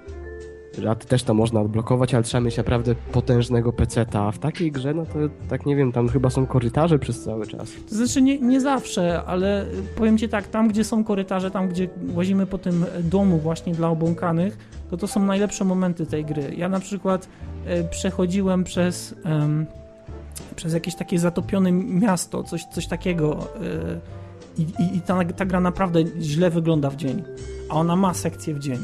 I, I uważam, że jeśli była możliwość trzymania się tego, żeby grać w nocy właśnie, w tym, w tym takim y, tym, tym zakładzie dla psychicznie chorych, to trzeba było się tego trzymać, bo to jest naprawdę fajne, że masz tam na przykład coś takiego jak y, system tej propagacji hałasu, y, roznoszenia się dźwięku, że jeśli narobisz hałasu, to gościu, który cię ściga, zacznie tam biec i wtedy musisz się ukryć. I na przykład są miejsca, gdzie są pułapki, których jedynym zadaniem jest narobienie tego hałasu, żeby on przybiegł i cię gonił. Więc to jest naprawdę bardzo fajne. I, I gra ma momenty, kiedy możesz się, możesz się wystraszyć, ale z drugiej strony to naprawdę przypomina Resident Evil 4-5.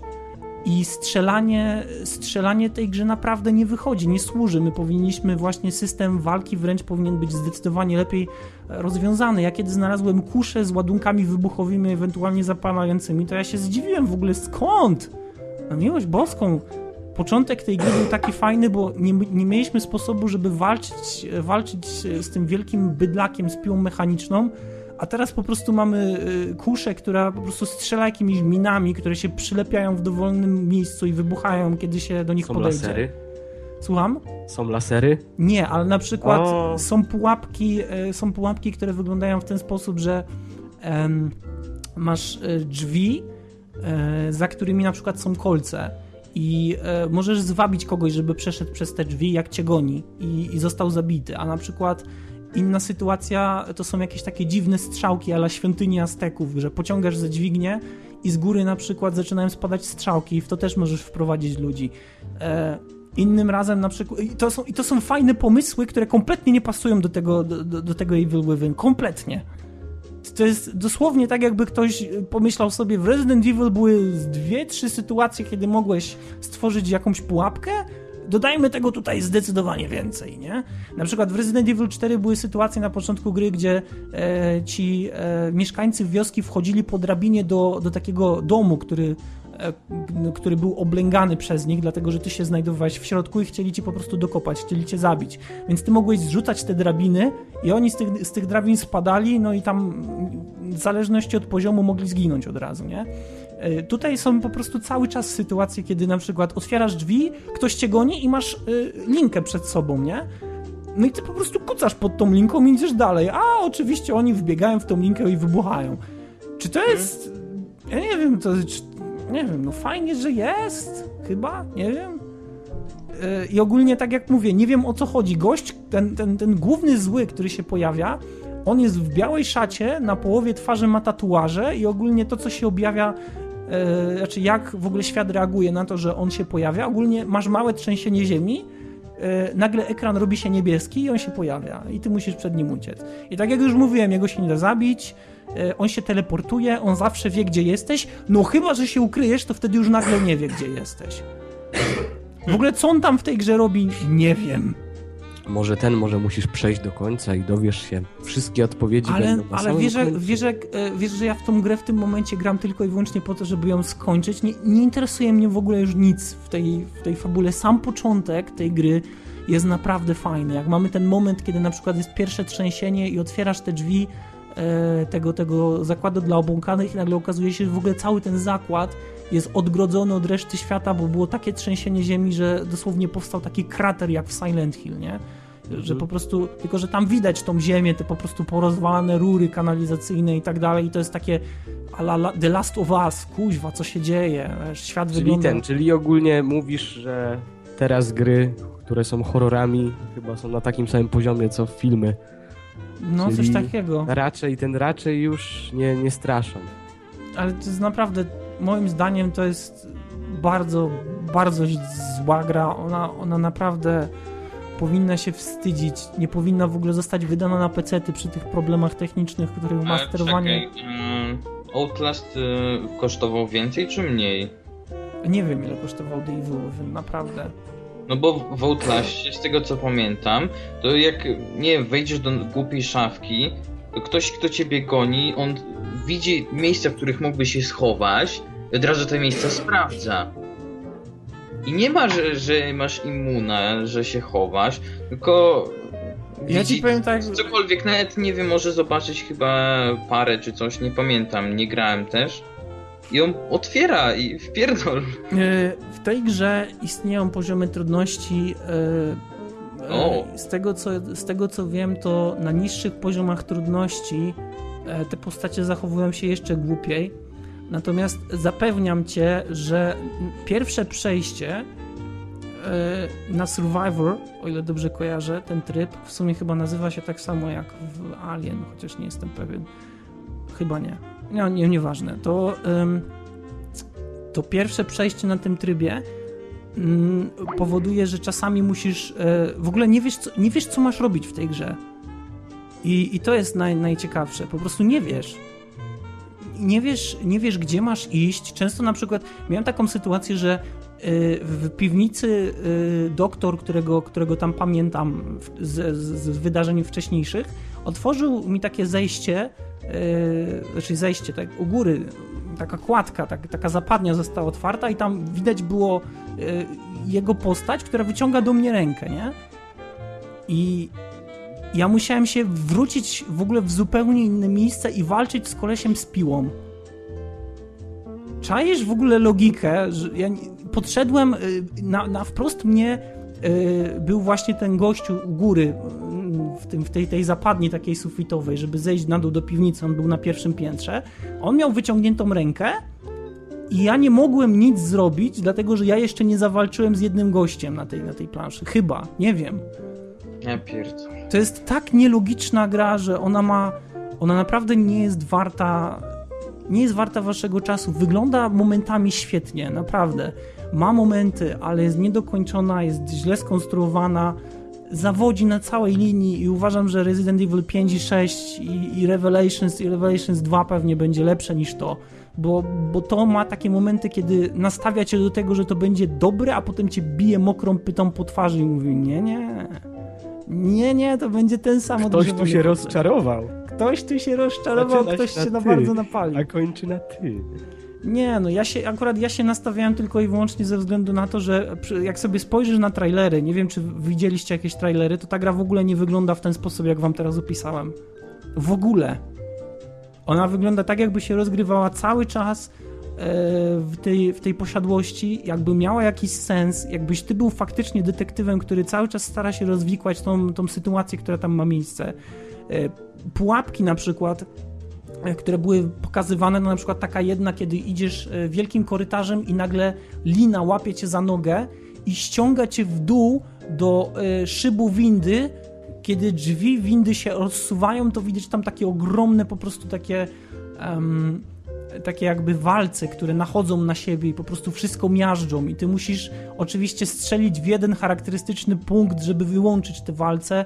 Ona była tak przedstawiana, nie? że to jest po prostu dom, e, dom dla obłąkanych, który został opanowany przez jakąś sektę, są pułapki, nie wiadomo co się dzieje, musisz uważać na ilość hałasu, który generujesz, wiesz, zawsze czujny, mało amunicji, a tutaj nagle kusze wybuchowe, kuźwa, jakieś elementy spirytystyczne, postać w trzech wymiarach, kuźwa, brak sensu i logiki, chociaż żeby był jakiś dziennik, który ci mówi, co masz robić. E, sytuacje, kiedy się skradasz i wszystko jest nagle psute. Aha, system checkpointów, który jest powalony kompletnie, bo jak zginiesz, to, e, to ten checkpoint czasami potrafi cię cofnąć na sam początek poziomu, co jest po prostu karygodne w dzisiejszych Sam czasach. początek gry. Masz się bać, że, ten, te, że te check, checkpointy się spieprzą. To, jest, to są moje wrażenia po, po graniu w The Evil Within. Jak ktoś jest odważny, to zapraszam, naprawdę. Można się przerazić, ale nie samą, e, nie samym klimatem, tylko samą grą. Myślę, że to się udało akurat, to się naprawdę udało. Można się, mo, można, można naprawdę w to grać i mieć z tego, e, z tego sporo, sporo radości, ale nie oczekując nic. Bo jeśli czegokolwiek oczekujesz, jeśli grałeś w jakieś inne gry tego typu, to możesz mieć pretensje, że coś wygląda. Aha, y, postać. y, nasza postać nie jest w stanie strzelać, kiedy kuca. Jeśli kucniemy i wejdziemy na przykład w jakąś wnękę w drzwiach albo na przykład w skale, to nic nie jest w stanie nas zranić. Nic! Słowiański przykład. Słowiański przykład gwarantuje kompletną niewrażliwość, jeśli się gdzieś No to jak w prawdziwym życiu. Więc tak jak w Można pomylić z prawdziwością, jak nasz król powiedział. Tak, i czasami są takie sytuacje po prostu, że mm, dostajesz jednego potwora wielkiego, który, który, który e, cię widzi, ma taką maczugę i nawet animacja, kiedy on rzuca tą maczugę i ją podnosi, jest tak spieprzona, że on podnosi kawałek powietrza, a ta maczuga się po prostu tak jakby wsuwa mu w rękę. Telekineza dziwko. Jak w Harrym Potterze z miotłami. Co jest po prostu... Do mnie! do mnie, moja desko. Tak więc, e, tak więc tyle. No, The Evil Within. Były nadzieje i oczywiście tyle zostało z nadziei. Pozdrawiam. No nie? To teraz powiedz, od razu powiedz, co jest. Okej, tak więc kolejny i ostatni temat, tym razem Robocraft. Szymon e, zdecydował, że w końcu należy powiedzieć o mm, grze, która swoją nazwą budzi pewne skojarzenia. I ja podejrzewam, że Badon Nie- nie, nie- ma najmniejszego pojęcia o jaką grę Nie chodzi. mam pojęcia o jaką grę chodzi. Craft Craft. Ale Craft, Craft, nie wiem, dużo było tych craftów, nie wiem, Warcraft, był Starcraft na przykład, nie wiem, może Minecraft. Minecraft? A co to takiego? Dobra. E, w Robocrafcie może, można sobie zrobić taki statek z dostępnych części lub można też go kupić za punkty premium Aha! e, i następnie można e, pójść na arenę taką. Można grać w trybie Conquest lub trybie Boss. I ogólnie za zabijanie przeciwników, czy tam przetrwanie i wygranie gry, dostaje się e, punkty, taką walutę w grze, za którą możemy kupować e, nowe części i tokeny e, tieru, za które możemy odblokowywać nowe części. Dobrze, no to teraz proszę pana, niech pan sobie wyobrazi, że ja nie mam najmniejszego pojęcia, co to jest ten Robocraft i proszę mi opowiedzieć, co to jest, jak to wygląda, co się tam robi, bo już wiem, że można kupować za premkę statki No i bo to jest gotowe części. Co jest og- ogólnie zau- zauważyłem w wypowiedzi, że to może być najważniejsze, skoro zaczęliśmy od tego. Nie no, bo wiesz, to się zawsze pytasz ten... Pytasz się, jeśli ktoś ci coś mówi o grze, to ty musisz się zapytać o to, że a jak mogę wesprzeć twórców swoimi pieniędzmi? Dokładnie tak. charytatywnie. E, dobra. Mo, mamy taki, e, takie inwentory, w którym na początku mamy dostęp do takich klocków i podstawowego setu działek, kół e, i fotela pilota. Z tego mamy sklecić jakiś pojazd, który będzie zdolny niszczyć przeciwników. E, tak, Potem poprzez te walki wszystkie możemy zdobywać tokeny tieru. E, tokeny tieru dostajemy za tier, w którym jesteśmy. Że jesteśmy w tierze pierwszym, mamy pojazd, który zrobiliśmy i dostaje on rangę tieru pierwszego. Bo A może- może, mam może takie za- pytanie. zanim, zanim zaczniesz o rangach, powiedz mi, y, jaką grę to przypomina? Nie wiem. Rzymon, ja mam takie pytanie, czy potem walczysz tymi statkami, robotami, czy co robisz z Tak, nimi? y, sterujesz To jest coś takiego, jak masz ten, jak masz takie programy, gdzie kiedyś leciały na Discovery, gdzie, gdzie te roboty, które sami A, ludzie no, no, no, no. się, No, no. No. walczyli na tej arenie, to jest to? To mm, walczysz własnoręcznie. Tak. Sensie, No nie? No sterujesz własnymi tym. pięściami? Sterujesz tym z trzeciej osoby. Rozumiesz? Czyli budujesz statek, który wy... gra ogólnie wygląda jak Minecraft, tak? Nie, po prostu e, są te podstawowe klocki, to takie, no, klocki. Bardziej ściany, możesz tam jeszcze inne powierzchnie mieć, ale ogólnie gra, e, same mapy są złożone. Nie, to, nie, to nie są bryły, to, to normalne kształty są. Okej, czyli trochę wygląda podobnie do Kerbali? No, No to myślę, że to, to takie porównanie było, wy- wypadałoby, wiesz. Po... ale że te statki bardziej są właśnie na zasadzie tych bardziej klocków. Jako masz A system, to nie, taką to ja siatkę teraz i- zobaczyłem gameplay i to wygląda dosłownie jak World of Tanks połączony z Minecraftem i właśnie z kerbalami, czyli samo tworzenie jest yy, kerbalowo-minecraftowe, a walka już jest takie, taka wotowa. To jest dziwne. To jest fajne, to wciąga. I to mocno. Kiedy zaczynasz, kiedy będziesz kupował pierwszą premkę? Nigdy. Nie chcę na to wydawać pieniądzów. Okej, no to kontynuuj, jak ten... E, no cóż, jest fajnie, bo e, mamy do wyboru e, różne działka. Mamy SMG, czyli takie szybkostrzelne. E, mamy artylerię, która jest ob, nawala obszarowo.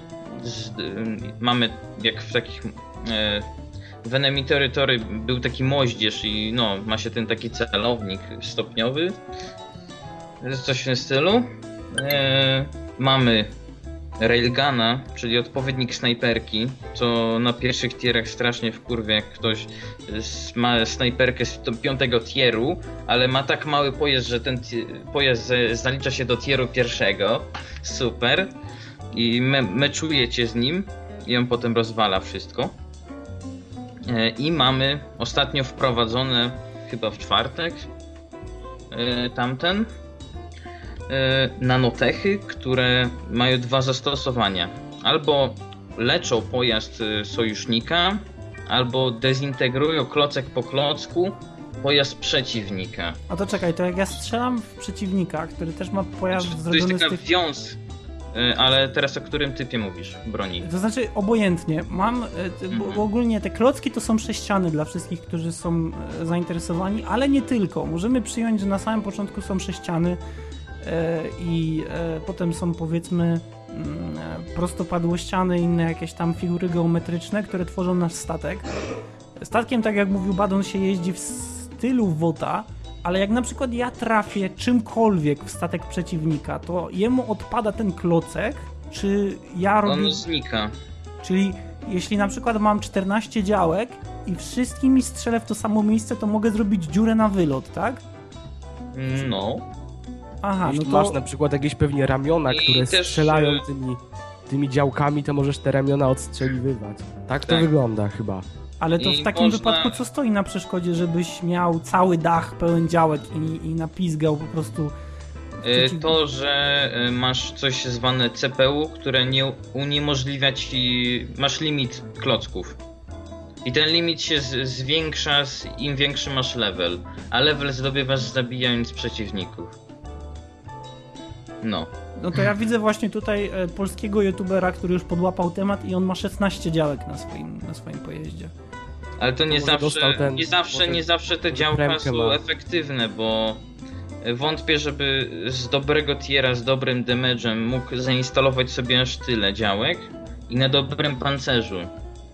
No i też y, to potem nie są dobre rozwiązania, bo jak masz dużo dobrych działek, to wtedy ci zaliczę do wyższego tieru. A Na tym wyższym tierze mają ludzie lepiej zorganizowane te pojazdy i umieją ich rozwalić. A to czekaj Szymon, bo ja tutaj widzę teraz jak wygląda taka walka, jak on podjeżdża do takiego biednego gościa, jak on już zestrzelił wszystko i jemu zostały same kółka i podwozie, to co on potem może robić na tym polu walki? y, może y, uciec i przejmować bazę przeciwnika. To są Aha. dwa sposoby, albo eliminujesz wszystkich, albo przejmujesz bazę przeciwnika. I wtedy jest wygrana. A czy mówiłeś o tym, że nie tylko są pojazdy? Bo widzę Znaczy, ja na- chciałem przejść do tego Aha, po tych broniach. Masz. y, No to od razu. Y, Można y, na różne sposoby się poruszać, można zamontować sobie kółka, co jest oczywiste. Można zam zamontować sobie hovercrafty i unosić się nad ziemią i jakieś tam 2 metry. Można sobie Overhand zamontować zbiorniki z helem, które trochę tak sensu nie mają, ale okej. I wznieść się na wysokie te wysokości. Pułapy. Tak, Wysokie, ale to, to, to, to działa tylko w przypadku jak masz y, małą wagę pojazdu. I szybką szybkość. Y, mamy takie przyspieszacze, które, no silniki odrzutowe, które nam pomagają w poruszaniu się, ale za środek transportu nam nie wystarczą jako same. I ostatnio w tym update'cie, co doszły te nanotechy, y, doszły też nóżki kroczące, które słyszałem, że są dobre, bo sam jeszcze nie mam takiego tieru, żeby móc je wykupić. Mhm. A powiedz mi, bo tutaj klocki mają różny kolor. E, czy to E, jest to tylko. No? Są odpowiedniki tierów. Im wyższy tier, tym większy armor. E, rozumiem. a to w jakiś sposób się odznacza kolorem? Tym, jaki statek ma No kolor? tak.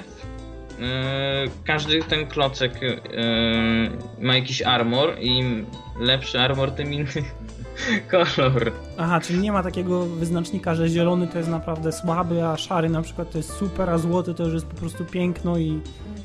Znaczy ja traf, akurat trafię, że zielony jest słaby. Aha, okej. A tutaj widzę też. po prostu masz y, siatkę tego tieru, tej, tej technologii, gdzie możesz odblokowywać. Masz po kolei tier drugi, tier trzeci, tier czwarty i każdy ma inny kolor. Okej, a jeszcze taka jedna rzecz, bo mówiłeś, że CPU może nie uciągnąć. Czy jak budujesz pojazd, to musisz też zamontować takie rzeczy, o których wspomniałeś? Bo tutaj widzę, że są takie kwadraciki, E. które wyglądają jak taki szum, e, tak jakby stary telewizor CRT, który nie odbiera sygnału, taki szum jest i widzę też, że z tyłu gość ma zamontowaną satelitę, która nie wiem co robi. To są radary, którymi można oznaczać przeciwników, żeby twój team też widział ich. Aha, a te, te takie klocuszki... Czekaj, ja może postaram się zatrzymać ten filmik, może ci będę w stanie powiedzieć na co patrzę, ale nie jestem pewien. Kojarzysz takie klocuszki, które... E, które są... Mm, aha, to jest Windshield Cube. A, mówisz chyba o tarczy, tak? Takiej. No to jest Armored Cube, Armored Prism, Armored Tetra, Armored Tetra... E, DO A takie chyba? jeszcze właśnie pytanie, Szymon, ile w tym jest grindu? Takie pytanie właśnie, E, bo W sensie... tak, żeby co, jak dużo musisz grać i jak dużo musisz robić rzeczy, które są strasznie powtarzalne. Znaczy, e, można powiedzieć, że gra jest ciągle powtarzalna, bo ciągle musisz się nawalać, tak? Ogólnie chodzi... widzę, że też że wieżyczki, które montujesz, y, mają na przykład swój zasięg, mogą się obracać na przykład do góry No, w dół. po, pole, pole obrotu Tak, to mają. jest fajne całkiem, że wiesz, że zbudujesz sobie na przykład statek, który ma mnóstwo, mnóstwo wieżyczek, a część z nich może na przykład mieć e, ogromne problemy, żeby w ogóle wystrzelić w trakcie, w trakcie walki. Tak. I też e, jest fajna rzecz, gdzie jak e, centralnym punktem każdego pojazdu jest pil, e, fo, fotel pilota, a Fotel. raczej jak po, po, tak, a jak potem się dowiedziałem, raczej klocek, po, na którym stoi, Klocek pilota. bo jak e, jakakolwiek część pojazdu straci łączność strukturalną z, z, tą, e, z tym klockiem, znika.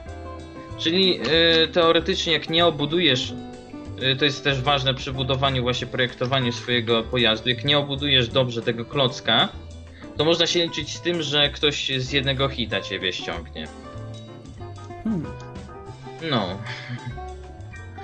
Ja teraz patrzę sobie, e, Ile jest tych tierów, o których mówiłeś? jest 10 tierów. Ja tutaj widzę Ale- po prostu taką dziwaczną, eklektyczną konstrukcję na poziomie drugim, która właśnie ma te 16 wieżyczek i wygląda po prostu... Ale te, to, to właśnie są najgorsze konstrukcje, gdzie ludzie myślą, że jak napakują działek, to coś ugrają. A Lipton, bo ktoś im z artylerii przywali i tych działek nie ma za jednym zamachem. No to to jest naprawdę coś jak World of Tanks, tylko z, możli...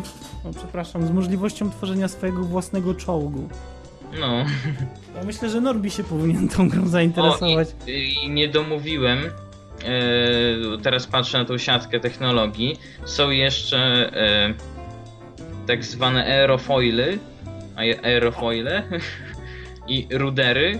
I to są skrzydła, gdzie, którymi no, można robić takie no, samoloty, które no, latają.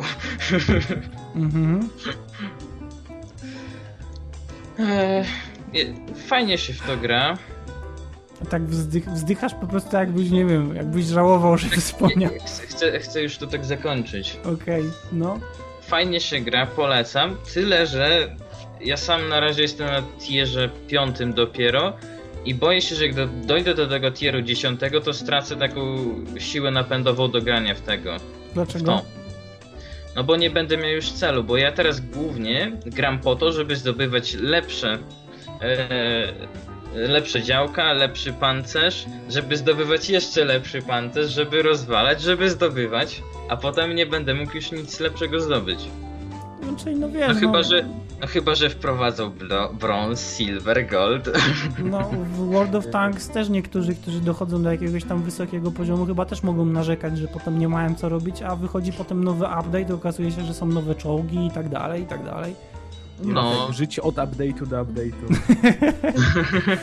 Ale ja tutaj widzę po prostu akcję, jak drużyna stara się obrócić czołg, który się przewrócił na bok. O, Jesus. znaczy to, to jest y, nisko levelowe, bo masz na tierze drugim, raczej pierwszym, do zblokowania taki fajny dings, który jak się wywrócisz i on się styka z jakąś powierzchnią, y, pojazdem albo mapą, to możesz to uruchomić i on cię tak wybija w powietrze i jakoś możesz się obrócić. A Szymon, a czy jesteś w stanie zrobić coś takiego, że stworzysz sobie swój czołg, który może się rozpaść na jakieś elementy, które jeżdżą, na przykład wiesz, coś na zasadzie e, bat samolot, zmień się w batłódź i z bat samolotu wypada batłódź. No, na razie nie ma. To nie jest samochód. Ale na razie Jezus Maria, jakie to by nie ma, genialne. ale możesz zrobić coś takiego, co ja teraz robię. Montujesz sobie kółka, montujesz sobie hovercrafty i jeszcze nie próbowałem, bo nie mogę i mógłbyś sobie zamontować jeszcze skrzydła i, możesz jeździć, ty możesz się unosić, możesz latać. Możesz genialnie dostać na piździsko zapewne. Ale Czy są w ogóle jakieś klasy pancerza takie, wiesz, na zasadzie jak w World of Tanks, że przebijalność i grubość... Yy... Na razie jest tylko określony jako armor.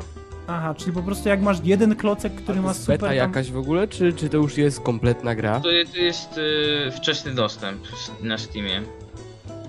Co trzeba zrobić, żeby mieć ten wczesny dostęp? Ściągnąć grę. Aha, tyle.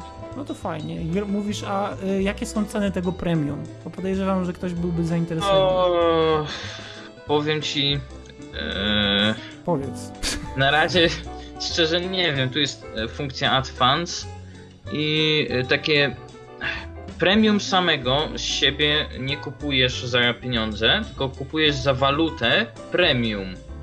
Walutę premium możesz dopiero za normalne pieniądze kupić. Tak. Tam premium masz czasowo, które ci tam zwiększa życie o 100%. O proszę. E, ale e, okazuje się, że za każdego premium w rozgrywce e, każdy inny gracz dostaje plus 5% do życia i plus 5% do hajsu, którego który zdobywa. I e, no, za takie 4,5 tysiąca e, punktów premium musisz zapłacić 5 dolarów. A A 4,5 za jeden dzień- punktów. No, no, no. Za jeden dzień e, premium płacisz 375 tych punktów. Mhm. Więc tak, no. No i za, za premium możesz kupować y, pojazdy zrobione właśnie przez y, tych tw- twórców, które no jakoś tam są przemyślane i funkcjonalne dość nieźle. Czyli te, powiedzmy, że za 5 dolarów mamy 12 dni premium, tak? Coś takiego. No, y, jak tak się zepniesz, to za 7 dolarów masz miesiąc. A, okej. No to, to wiesz, tam im więcej kupujesz, tym mniej kosztuje. No dobra. Dobra, no to ja myślę, że to, jest, że to jest już w sumie wszystko, jeśli chodzi o ten. I jeszcze, jeszcze jedna rzecz e, wkurzająca. Masz garaż, w nim masz e, trzy miejsca, jak masz premium to cztery. E, I jak wybudujesz w jednym e, jednostkę i zak- zakupisz sobie te wszystkie części za hajs, to nie możesz tych części wykorzystać w innym bayu, bo one są w użyciu już. Czyli musiałbyś rozmontować ten poprzedni statek, nie możesz go zapisać i dopiero budować sobie w następnym bayu. Mhm. E, Także mm, nie wiem, czy to potem będzie, ale na razie nie ma takiej możliwości jako dodawanie e, kolegów przez Steama, tylko trzeba wpisać e, nazwę kolegi w grze. I też mamy funkcję plutonów, czyli no, gry z kolegami w grze. E, Tak bardzo. E, można w trzech, ale jak masz premium, to można w czterech. W grze. To, to ode mnie tyle. Okej, dobra, no to dziękujemy Szymon za przybliżenie tematu Robocraft. My z Badonem po prostu już składamy Ja pojazdy z zacieram łapska, żeby się na to jakoś rzucić po prostu. Tak, No nie? PS to prawda. no nie. No nie. To teraz powiedz, od razu powiedz, co jest. Tak więc kończymy 190 odcinek DualShock Podcast po jakże pięknym temacie Robocraft oraz e, wszelkich poprzednich, które dzisiaj omawialiśmy. Zakańczamy kolejny odcinek, wracając po dwutygodniowej przerwie i mamy nadzieję, że więcej takich e, problemów w przyszłości nie będzie i będziemy mogli regularnie nagrywać. E, Za co oczywiście przepraszamy, jeśli czekaliście, a jeśli nie czekaliście, to może nawet lepiej. E, Tak czy inaczej, no co, dziękujemy Wam za, za pozostanie tutaj z nami, za odsłuchanie podcastu i oczywiście zapraszamy na kolejny odcinek, a tymczasem mówią Wam na razie Odin. Szymon. I umierający bawi. Cześć.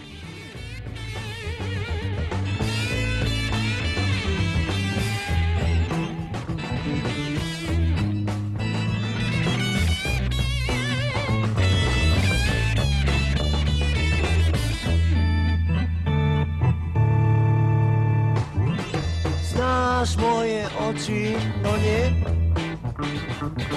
Znasz moje włosy, no nie? Znasz moje usta, no nie? Znasz moje dłonie, no nie?